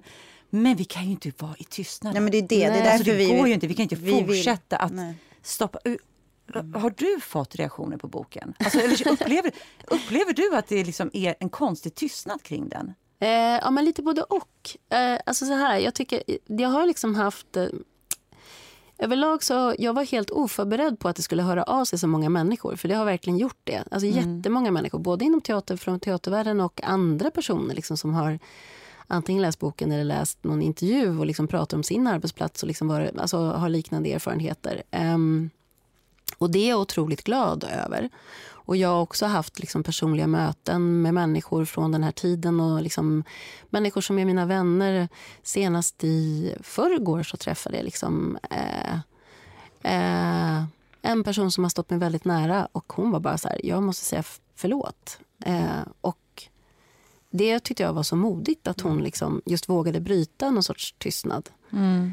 Ehm, och det gjorde mig jätteglad. Eh, och, ehm, eh, men jag tycker också att, jo, men jag tycker absolut att det finns en tystnad. För, för att, jag ska säga så här, jag ehm, skrev inte boken... Mitt, mitt, mitt, liksom det, det första jag ville göra med boken var inte att egentligen, om jag ska vara helt ärlig, var inte att jag, nu vill jag att vi inom teatervärlden sätter oss ner och diskuterar maktstrukturerna på teatern. Utan, och jag var verkligen inte så här, jag vill att Dramaten ska se, se... Ser du mig Ellen? Ser du mig nu? eh, vad det nu är, eh, 43 år senare. Utan det var att jag ville... Jag ville att den skulle nå många människor. Jag ville liksom på något sätt prata på ett större plan. Och, och det vi gjorde och det förlaget också pratade om var så här, ja, men det här är en roman och vi ska liksom, det, det, det här ska vi liksom prata om som litteratur. Och jag tyckte om det. Jag tyckte om att liksom ändå den smärta och den sorg som jag upplevt och många människor upplevde under den här tiden eh, kunde få bli ett verk och kunde få bli någonting som skulle som nå ut vidare i den meningen. Men sen är jag liksom jätteförvånad över att eh, det är nästan inga teater, alltså kritiker eller människor... Alltså du vet så här, att det har ändå varit så otroligt tyst. Men jag har ju fått höra så här, Ja, jag måste ändå säga så här för att eh, jag har ju fått höra folk som har sagt så här, ja gud hur kan de skriva så, de är ledsna och lala, så här. och så säger man så här, men Norén har skrivit det och det och det. Men det är det, och, återigen, därför vill jag upprepa det som du sa lite Tanja, så här, vi sitter ju här för att vi vill prata om saker, vi vill inte göra någon illa, men jag måste ändå säga så här, att precis som du säger, det är litteratur, det är bra skrivet. Jag tyckte att jag fick syn på mig själv i den här institutionen. För jag älskar din beskrivning när du säger så här, Alltså, du måste, om du ska jobba på Dramaten, eller okej vi kan skita i Dramaten, om du ska jobba på en stor arbetsplats eller om du ska jobba på en institution eller operan eller du, Antingen går du uppe på isen och inte dyker ner under om du ska klara dig. Det, och, och det, det återkommer flera gånger till den här metaforen med isen som jag älskar för där nere ligger liksom eh, trassliga saker och lik och så. Och jag kände plötsligt, men gud, det är där uppe jag har traskat. Och vilket också gjorde mig ledsen. Därför att det betyder att jag inte har vågat doppa ner hela mig. Precis som du, du satsar ju hela din själ på Dramaten. Du la ju in liksom allting. Och jag har liksom varit med ändå i de här, ja, försökt att snacka med den och försökt, alltså försökt att överleva på något sätt. Så att för mig har boken betytt jättemycket. Jag är glad att du beskrev min arbetsplats. Ja, men Ehm. det, är ju, jag, eh, det är det jag önskar. Alltså, Ja. för jag, förstår, ehm, jag förstår ifall att eh, om någon människa tycker sig känna igen sig i boken och att den människan blir ledsen så är det såklart tråkigt. Så kan jag ju tycka som människa. Och Samtidigt så kan jag ju också känna just det där, men kan vi inte försöka ta chansen och lära oss något? Alltså, Jag måste ju lära mig något också. Jag är ju liksom helt övertygad om att om någon annan människa skulle spegla mig och vad jag har gjort under mina år på Dramaten så kommer ju inte det bara vara någon sorts rosenröd beskrivning. Alltså jag har ju också gjort mig skyldig till saker. Det, alltså, det är ju, men jag tycker att det är att, att liksom inleda den typen av samtal och kunna växa i det. Istället just för att liksom bara tiga och fortsätta för, på något sätt putsa på någon sorts fasad som egentligen har krackelerat för länge sedan. Men en sak tycker jag var intressant, för jag var med ganska nyligen, det här var ju faktiskt efter metoo, ett projekt där det också höll på. Man märkte att några skådespelare började vända sig mot regissören. För det här är ju det, är ju det vi pratar om här. Jag säger, det finns inget rätt eller fel. Jag var inte med på produktionerna, så jag ska liksom så här, men jag har ju ändå varit med om saker där man ser. Och jag har också varit, eh, eh, jag menar Robban var ju regissör förut och kom hem till mig ibland och sa så här, skådespelarna eh, tittar inte på mig längre. Du vet, så, här, så jag har alltid varit extremt eh, medveten om vilket ensamt yrke eh, regissören har. För vi andra kan ju prata med varandra och så här, och vi har ansvar åt båda håll. Eh, men jag var med i ett projekt relativt nyligen där man kände att okej, det här skulle kunna haverera. Det här. Och då gick regissören upp och bara sa så här, eh, hej, jag känner mig lite osäker och ledsen nu. Blottade sig liksom på något sätt. Eh, och sa, vad kan jag göra? Vad behöver ni? Så här, Känner du att du vågade? Det här var ju efter metoo och ditt var innan. Alltså så här, för hur reagerade du när du märkte att det började glida? När de gled is- från dig? Vad kunde du ha gjort annorlunda? Ja, vad kunde jag gjort annorlunda? Vågade du visa att du blev ledsen? Blev du ledsen? Ja, men det är klart att jag blev ledsen. Alltså, jag tycker överlag så var det ju eh, skildringen i boken av eh, repetitionerna, eller repetitioner, där jag ju har hämtat liksom, från situationer som jag varit med om, men även, alltså, det är lite uppblandat. Men då var det ju, det var det svåraste att skriva därför att Alltså dels för att det ju är en sån, eh, för mig, alltså helig plats, men känslig plats. Alltså det, och det är liksom förtroenden och det är... Eh, men också för att jag... eh, Alltså det är en plats där man kan känna sig väldigt utsatt. Och Det gör man ju som skådespelare, men det kan man ju verkligen göra som regissör. Så jag känner mig väldigt utsatt och väldigt ledsen. Jag vet inte om ledsen är ordet. Jag tror, ledsen kanske jag blev sen. Alltså då tror jag nog att jag bara försökte på något sätt um, försöka kämpa mig igenom det på något vänster. Alltså, uh, I den då reella Hamletprocessen så hade jag absolut samtal. Vi hade den typen, så här, vad behöver ni? Eller liksom, men det, det löste liksom aldrig någonting då. Det var liksom inte som att jag kände att det kunde växa till att eh, förtroendet kom tillbaka. Utan det liksom kanske egentligen bara skrapade såret djupare på något vänster. Det var liksom ännu mer så här, du, ja, då vet ju inte alls vad du håller på med. Ehm, så, det, så den taktiken funkade inte den gången, i alla fall inte då. Ehm, Får jag bara komma in med en Ja. grej? Då tänker jag återigen på eh, hur vi skådespelare, du och jag Ellen har pratat mycket om det. Ja. Hur mycket slack vi ger till manliga regissörer hur? och hur lite slack vi ger till kvinnliga. ja. Det vill säga Speciellt en under man, den här tiden. Ja, ju- under den här tiden. Men även den som du pratar om vet jag vem det är. Det var en man som gick upp och sa det Ja. där. Eh, när en kvinna blottar sin svaghet. Alltså jag, vi har ju jobbat med regissörer som inte har vetat hur pjäsen ska, alltså hur, vi, hur slutet ska vara. Mm. I premiärveckan så har de fortfarande inte löst sista scenen. Nej. Och alla har bara en tillit att det kommer ju det här, det Ja. kommer den här mannen att Han lösa. geniet kommer Skulle lösa en kvinna Ja. i premiärveckan fortfarande inte veta hur slutet ska vara Ja. så går ensemblen bananas. Ja. Det är min fasta övertygelse. Och där har vi ju, det, vi är ju inte framme där än. Och om vi inte börjar fatta att vi själva behandlar regissörer olika beroende på kön så kommer ju det komma nya kvinnor som blir granskade mycket hårdare. Och det där är så jävla svårt när man jobbar med en kvinnlig regissör som man faktiskt inte funkar med. Det, det har ju blivit liksom ibland tvärtom för mig. Att, att, att jag tänker helt enkelt så här, nej men vänta, är, reagerar jag nu? Så, Hur hade jag reagerat om det här var en man? Hade jag gjort så här? Och det har gjort ibland att jag har väntat för länge med så här, nej men hörru, nu måste vi faktiskt, alltså jag förstår inte vad vi gör. Så Alltså, det, man, ja, hamnar, alltså man hamnar i... Ja, men jag tycker att just det där att medvetandegöra det är ju verkligen första steget. Och sen att lära om är ju en process som tar tid. Alltså det är ju liksom, vi, alla de här sakerna är ju så jävla djupt rotade. Vi pratar liksom om så fundament i vår psykologi. Så det är ju jätte, alltså, eh, vi måste ju börja för att kunna fortsätta, tänker jag. Och jag ville bara säga det, för att jag tycker så här... Alltså, mm, jag tror just det där... äh, För mig var det... För jag tror att jag hörde det först från dig, Ellen, att du liksom så väldigt generöst också så här, sa- just det. Nej, men vi ger manliga regissörer större fördelar än kvinnliga. Och det var otroligt skönt att liksom bara konkretisera det, för det är ju någonting jag kanske har erfarit, men, men kanske också väldigt mycket har sett. Jag hade ju som favoritsport på Dramaten att smita in och titta på repetitioner på stora scen. Det får man ju egentligen inte riktigt göra, men alla typ gör det. Vindlar runt där uppe i, liksom på tredje raden. Och jag var liksom alltid så jävla slagen av att just manliga regissörer kunde vara så här Ja, alltså det var så här, man bara kände att du har ju fan ingen koll på läget. Och att det liksom, man hör tonen som ändå är så här, ja men då kan vi, eller jag har en idé, Ja, eller vi löser det här. Ja, så jävla framåtlutat. Medan man just känner som det är en kvinnlig regissör, då är det så bara, ja men nu får du ta och bestämma dig, vad vill du egentligen? Alltså det är så här, eh, eh, och, och, och att liksom att se det är ju en sak att tänka, men då har jag tänkt så här, och det här upplever jag på det här sättet för att jag är det liksom, den människa jag är och det är den yrkespositionen jag är i.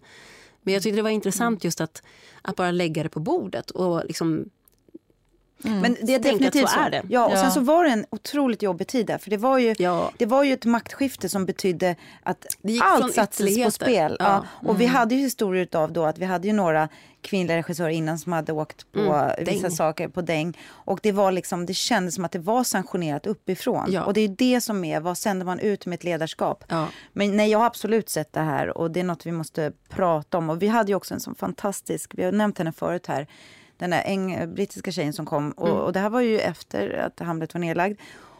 Hon visste ingenting om det. Nej, det var Lucy så intressant. Nej, och hon Lindsay visste Turner. ingenting om det här. Och så ber- så berättar hon då hur det ser ut. Ja, men det var en fantastisk föreläsning. Eh, män och kvinnor. Ja, men kvinnor väljer ofta en liten scen. Mm.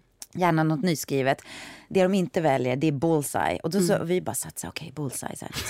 Mm. Vad är bullseye? De bara, bu- hon bara, det är Hamlet på stora scenen. That's the bullseye. Vi bara, Ja, jag fick rysningar. Ja, Nej, alltså, det var precis, Nej, det var det, var, sjukt. det var helt sjukt. Därför att, och det är också lite intressant för att eh, du, du blev ju satt i den situationen och det är ju fantastiskt. här.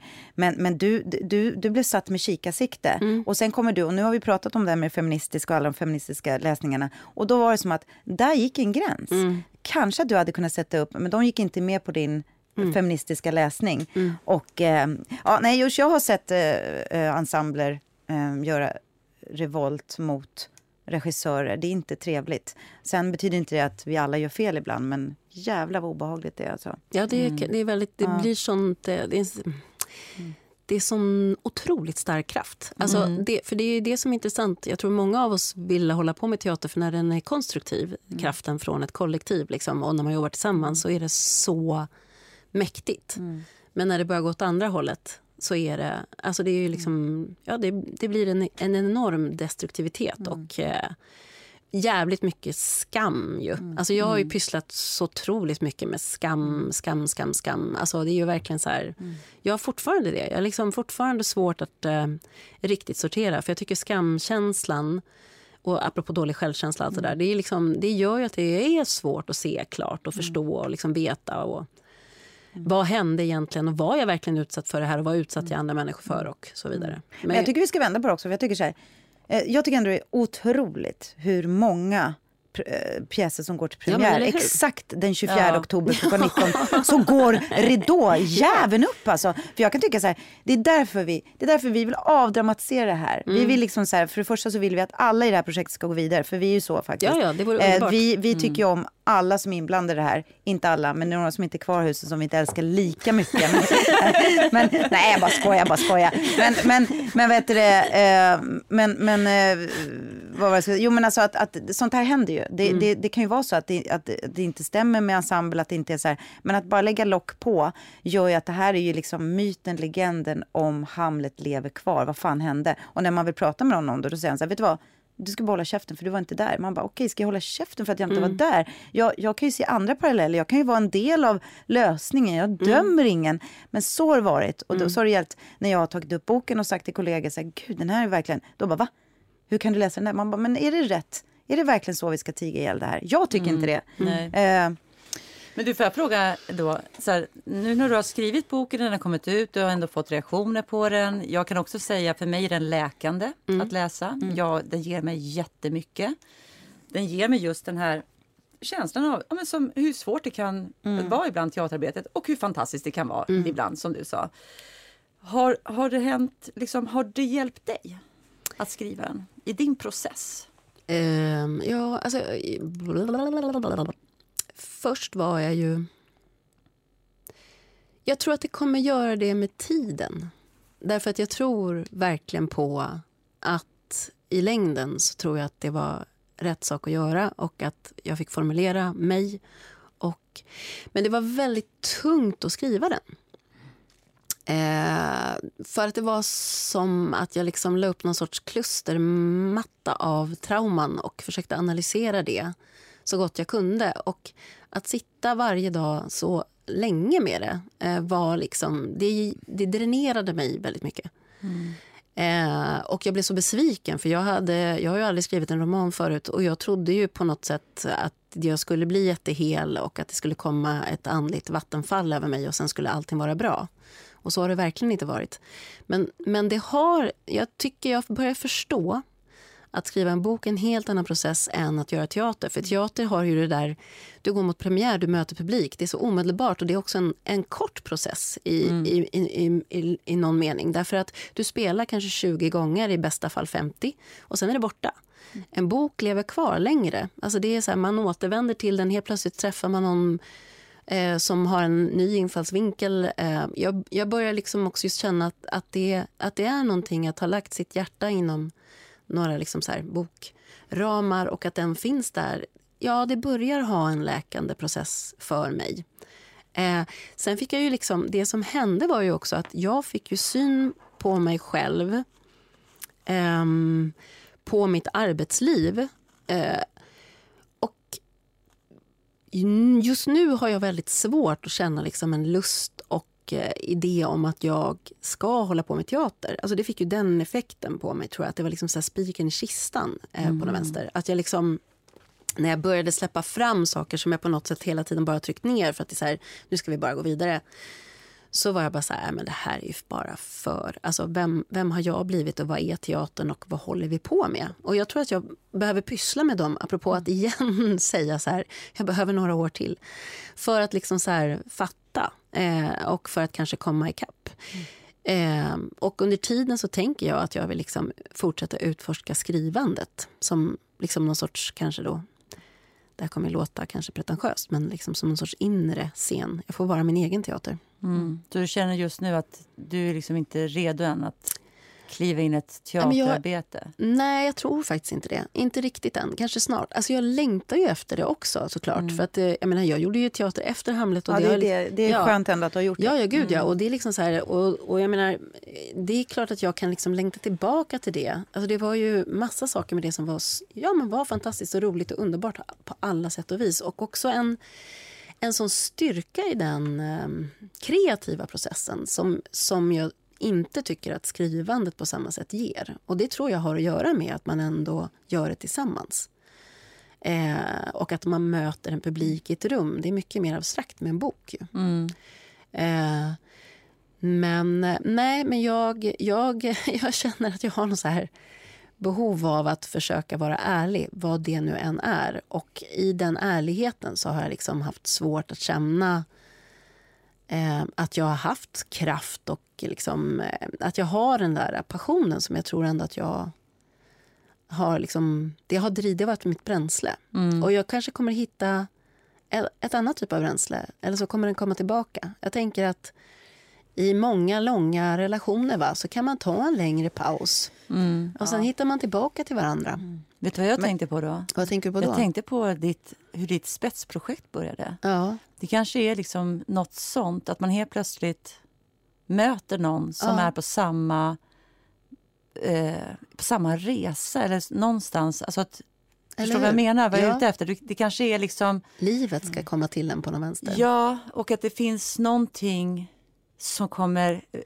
Eh, att, att, lika som spetsprojektet var så att det var en tanke kring vad, vad är de här. Så mm. kanske är någonting så här, hur ska du göra teater på dina villkor och kunna vara ärlig? Och så mm. möter du, det kan vara vilken teater som helst, det kan vara någon annan teater, det kan vara en teaterchef, det kan vara en eh, annan regissör eller du skapar en egen teater. Alltså att göra det på ditt sätt Ja, och så precis. får du en plattform att göra det. Alltså att, ja. Lite som spetsprojektet. Också, ja, men exakt. Men det, för det är ju det som var intressant. Um, för det var faktiskt, uh, den, Jag nämnde ju en skådespelare som jag åt middag med och hon frågade mig så men när vi jobbade där på den teatern, hur var det? Och då var det väl ändå... Och, och det är ju det att jag vet inte om jag var ung och naiv.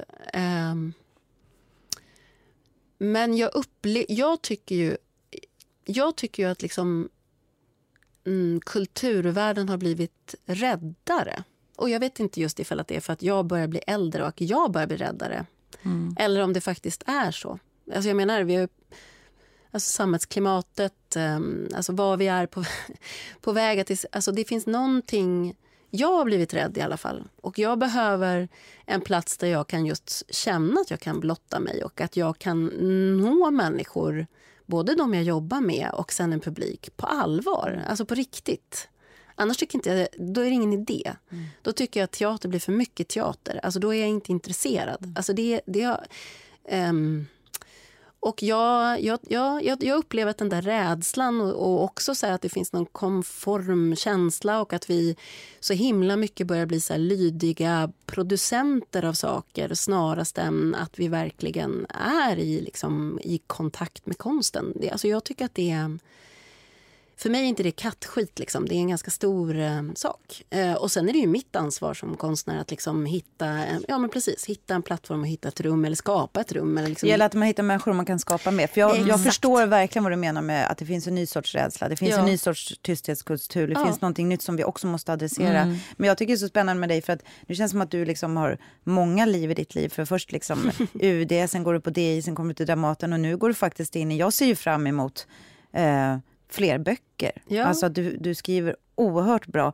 Sen vad det tar vägen, men det känns som att den här äh, att du vill vara sann mot dig själv. Gud, det är ju jätteinspirerande.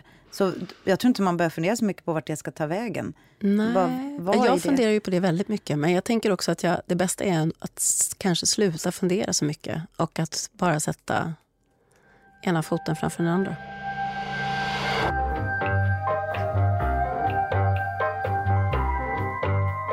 Ellen, jag är så jävla glad att se dig med ett, glasögon med två såna här skalmar. Förra gången vi, vi spelade in, då hade vi exakt samma glasögon. Vi köper dem på en affär bredvid Dramaten. Det är bara att du ser att mina har ju två skalmar som man sätter bakom öronen. Alltså dina är väldigt snygga tycker jag. Ja, Ellen hade lika snygga, men hon satt med dem förra gången med bara bågarna kvar. wow. För att båda de här hade gått henne. av. Som en sån här mormor, jag satte den på Ah, näsan. Och, så, och jag har ju även fotat dig i logen där du sitter med en skalm och glasögon helt Nej. snett. Ellen har en misshandelshistoria av läsglasögon. Men nu, Ja, men nu har du lila skalmar. Vad är det för glasögon du har köpt? Är så, nej, men helt plötsligt var jag tvungen att springa in för jag skulle läsa in en bok. Så jag bara, jag måste springa in, springa in på apoteket. Inte där, där vi brukar köpa våra. Det, här är här, det, det sjuka är så här, alltså, att det här är förbrukningsvara för mig. Om ett par glasögon kostar 300 spänn, det är så här, du vet, jag har så mycket pengar så. Nej, bara, nej, nej, men jag måste säkert köpa dyra sen. Men då så sprang jag in på apoteket bredvid studion.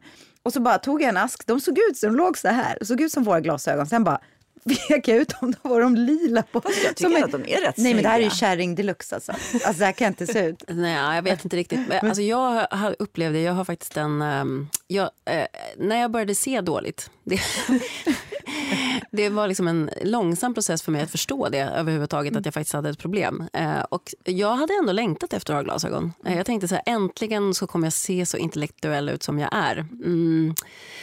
Så jag skaffade... De såg lite grann ut som dina. Så där lite snajsiga.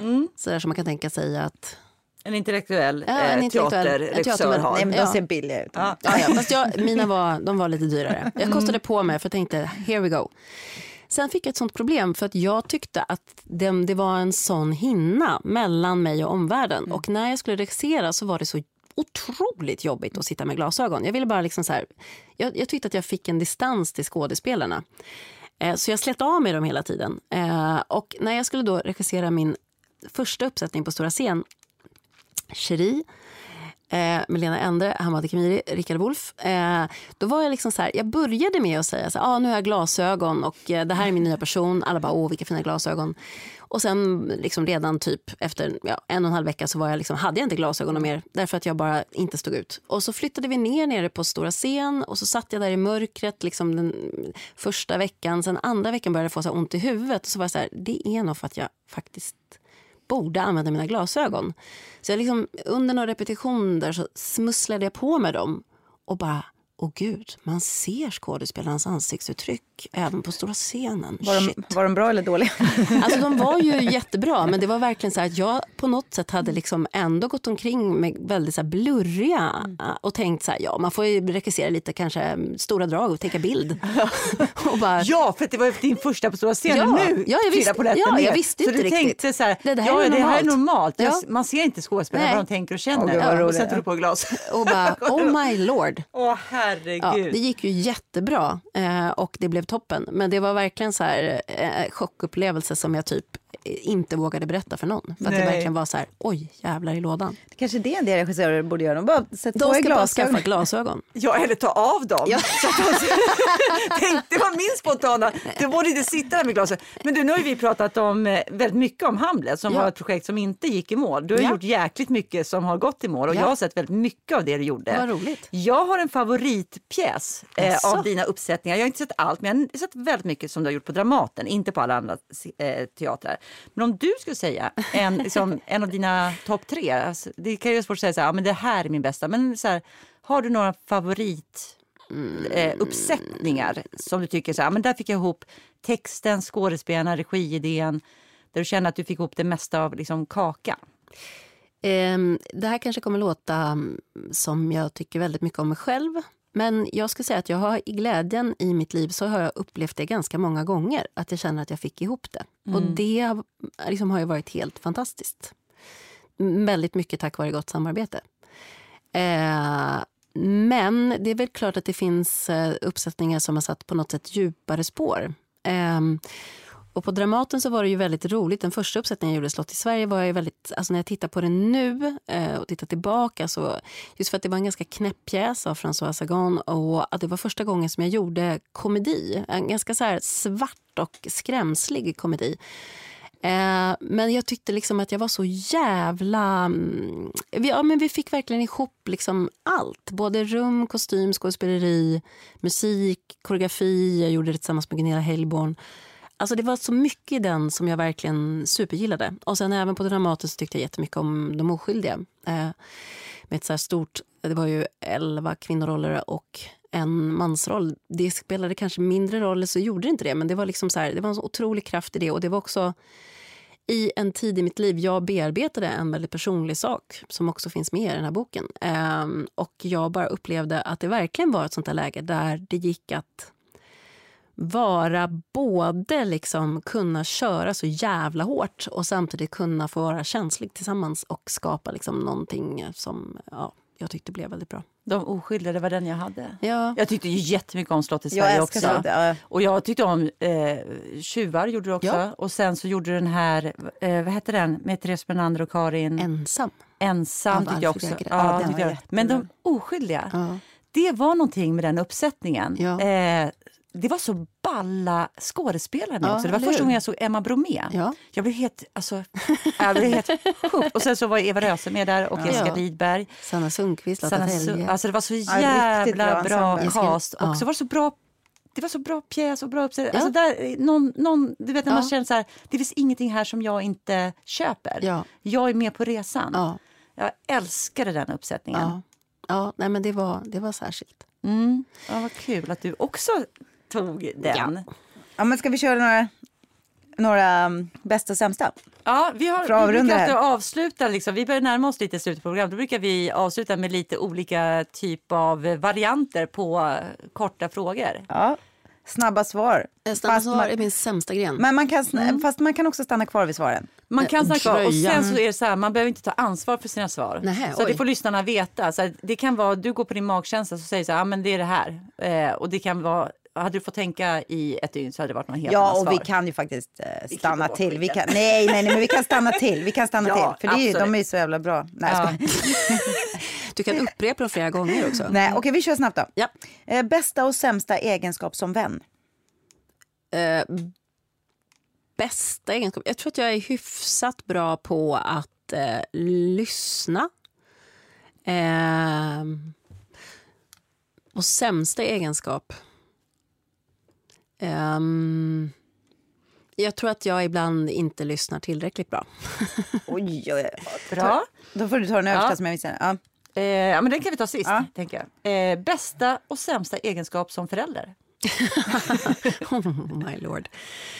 Um, ja, men det är ungefär samma sak. Alltså, jag tror att jag är, är liksom... Eh, jag tänker att jag jag är liksom ganska bra på att vara närvarande med mitt barn. Vi har väldigt roligt ihop och eh, det är toppen. Och jag har ganska mycket tålamod i det när jag får vara i den närvaron. Sen kan det liksom helt plötsligt ta slut när jag blir jättetrött. Eh, mitt barn är underbart men också väldigt intensivt. Men nu när han blir lite äldre så kan vi prata om det på ett väldigt bra sätt. Så jag, tror, jag tror att det kommer lösa sig. Och han är fyra och ett halvt nu. Ska alla jag tänkte att han var 13. Nej, han får mogna snart för att hänga med. Alltså, så du har många år framför att utveckla ditt ja, föräldraskap. Exakt. Och många gånger man kommer misslyckas också. Ja. ja, och bästa och sämsta egenskap som granne. Åh oh, herregud. Alltså, jag, ehm, jag hade ju en fejd med mina före detta grannar. Den var ju helt sjuk. Alltså, för jag bodde i ett sånt eh, otroligt lyhört 20-talshus där grannarna under mig... Det började, alltså det var som en skräckfilm. Det började med så här din hund som springer, skulle du kunna? Och då var det liksom min son som precis lär sig krypa. Eh, och sen utvecklades det där faktiskt tyvärr. Alltså det blev, det blev de var något ungt hipsterpar som under pandemin skulle jobba hemma och inte tålde några ljud. Eh, och jag var ju, det var så mycket vabb, man var ju hemma. Mm.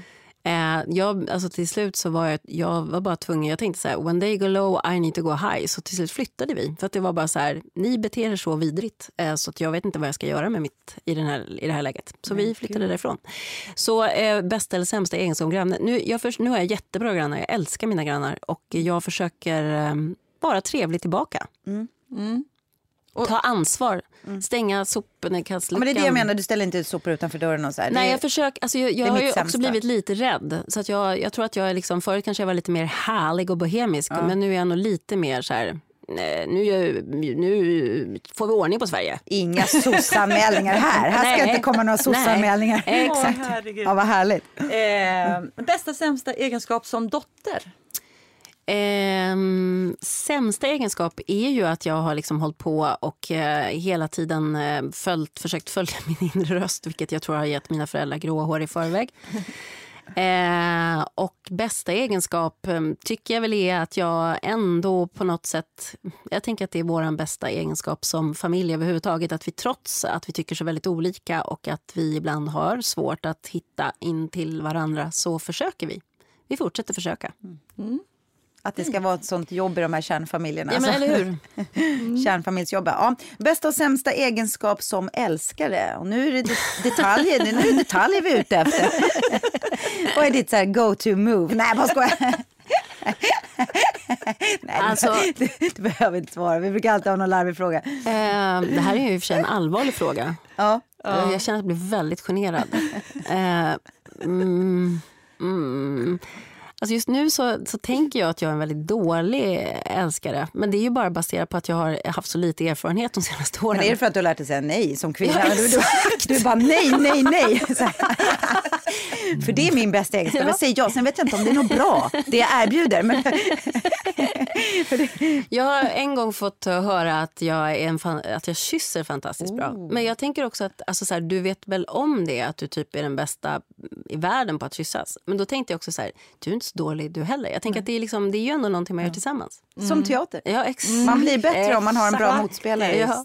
Faktiskt. Faktiskt är det så. Men du, och då kommer sista här. Bästa och sämsta egenskap som regissör? Åh, det var så länge sedan också, höll jag på att säga. Eh, min bästa egenskap som regissör? Nej, men jag tänker ändå att jag har varit bra på... När jag har varit som bäst så tycker jag att jag har varit bra på att liksom, vara modig och få med mig människor och göra... Eh, ja, men liksom göra så här formstarka uppsättningar som ändå har liksom haft ett starkt skådespeleri. Jag tycker liksom att många regissörer är antingen eller. Antingen är man liksom bra på form eller så är man bra på skådespeleri. Och jag tyckte att jag, när jag var som bäst, var bra på båda. Att liksom så här, att ja, men just kunna liksom få med mig folk och att liksom våga ja, men hitta verkligen eh, hitta fucking katarsis. Alltså det är ju det man går på teater för. Man vill ju liksom typ ha tappat det efteråt. Och jag tycker att jag ändå lyckades med det. Sämsta egenskap är att jag tror att jag blev kanske lite, det blev väl kanske, alltså just det, med åren så blev det också att det, när jag blev mindre modig och vågade visa mindre av mig själv och eh, istället kanske ville, längtade efter att bara få vara auktoritär och säga gör så där för i helvete. Istället, alltså, det var någonting i det där. Jag blev liksom, min metod, när den slutade funka så hade jag ingen ny att komma med. Jag tror att det är det jag kanske letar Blev efter du nu. lite så här korrupt då utav det manliga beteendet? Och, Ja. Alltså så här, nej, nej men okej det var fel sagt av mig, man ska inte säga, generalisera på det sättet. Jo, men gör utav, det. utav eh, den, eh, en sån här maktstruktur, att du själv blev Ja, det makt. tror jag. Jag, Ja. eller jag tror framförallt att jag liksom kände så här... Varför måste jag fortsätta vara så fruktansvärt väl förberedd? Och varför måste jag fortsätta att hela tiden tänka 15 steg i förväg? Alltså lite grann, nu generaliserar jag också jättemycket och jag ber om ursäkt för att jag är samtidigt glad att vi lever i en tid där det finns mer jämställda föräldraskap. Men lite grann det där att oftast att mammorna tar liksom så här, sånt jävla helhetsansvar och går liksom, alltså för mycket också. Så här. Och jag måste ha mellis exakt fem minuter över tre. Och, Medan papporna, generalisering. Men liksom en- gruppnivå, vi pratar gruppnivå. Vi och pratar och struktur. Är liksom lite mer så här, "Ah, men vadå? Eh, det här blir väl bra ändå. Bara vi har lite härligt. En glass i parken klockan fem. Ja. Eh, ja. ja, jag fattar. Ja. Får jag fråga något helt annat? För det var våra bästa sämsta. Om du skulle få välja någon av de här kvinnliga författarna Mm. som du har... Du, vi har ju nämnt massa namn här nu. Mm. Eh, vilka tycker du, liksom, eller om du skulle ta, ta en så här, den här ska ni aldrig glömma för bövelen.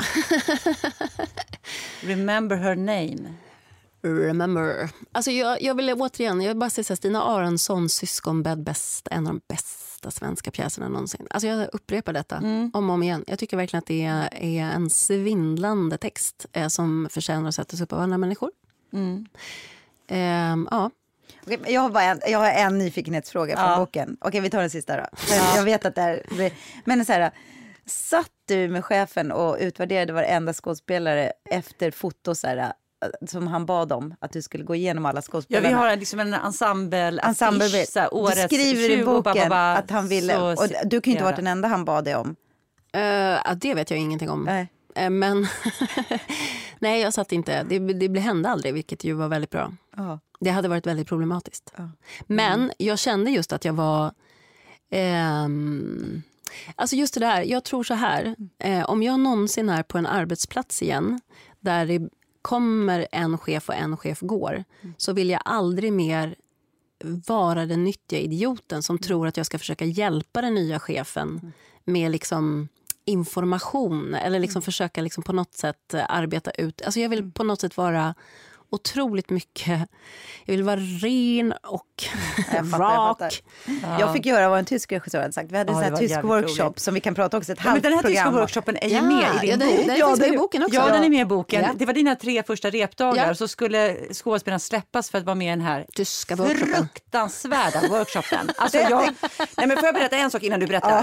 För det här är så roligt. Vad, vad, eh, men innan du säger det. Jag, efter den här workshopen så skrev jag ett så långt brev till en ung eh, skådespelarkollega som jag inte hade träffat knappt innan och bad om ursäkt för vad jag hade gjort i en improvisation. Men det var någonting som var så obehagligt så jag ville duscha efteråt. Oj. Jag kände att jag hade liksom blivit hemskt. manipulerad till att göra något som var, det var en övning Mm. som blev så, den blev så hemsk. Och, eh, så att jag var tvungen att skriva ett långt så här, eh, jag vill bara skriva hur jag upplevde det efteråt och vad jag kände efteråt och Mm. vilket, liksom vad jag skäms över.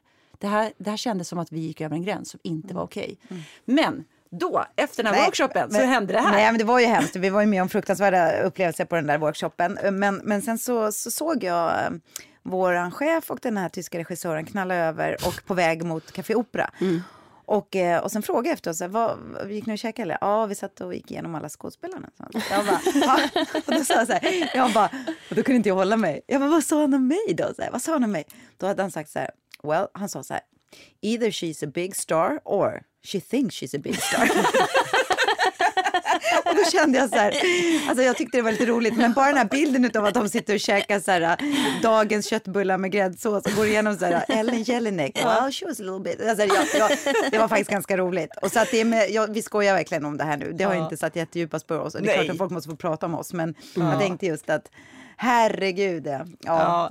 Men du Jenny, Ja. fy fasen vad roligt att du äntligen kom. Vi har ju varit på dig. Du har ju varit bortrest så mycket. Och Ja. liksom inte, men från att boken kom ut Ja. så ställde vi frågan direkt. Vill du komma till vår podd? Och nu kom du. Ja, det var väldigt, väldigt fint att få vara här och prata med er. Ja, Det här, det här är ju verkligen samtal som kommer fortsätta. Ja. Ja, så vi önskar liksom dig all lycka till. Vi vill se fler böcker. Ja. Jag skulle vilja att du också provade och gick bredvid någon kanske regisserad film, tv. Ja, men eller hur? Jag tror Ja. att ett annat medium kan verkligen få fart på livshandeln. Ja, och det skulle vara kul för oss skådespelare att ha några riktigt bra personinstruktörer på, på set också. Topp. Och sen är vi så glada över att du har fått ditt barn Ja. som nu är fyra och ett halvt. Att, det är liksom, att du går din väg. Ja. Du har många liv framför dig. Många liv. det är så underbart ibland Ellen. Ja. I Jag huvudet så tänker låter... tvinga honom att skaffa barn själv väldigt tidigt. Jag vet inte riktigt hur det ska gå till. Men Nej. jag, jag, jag har bråttom. Jag har jävligt bråttom. Ja, vad där härligt. Ja. Ja. men, eh, och så tackar vi som vanligt då. Eh, Ljudbang, vi tackar Matte Bie, vi tackar Theresia Billberg Vi för att ni är fantastiska. Ja, och tack alla ni som lyssnar. Ja. Ja, och vi ses om två veckor och då har vi ett valresultat. Ja, oj, oj. ja, det så att eh, gå spännande. ut, fundera verkligen. Vi sa ju det förra gången. Jenny, du sa kloka, och, och, kloka ord också. Ja. Eh, nu tar vi ansvar för Sverige. Stäng av, stäng av, stäng av! Lägg ut, lägg ut! Hej då! Hej då.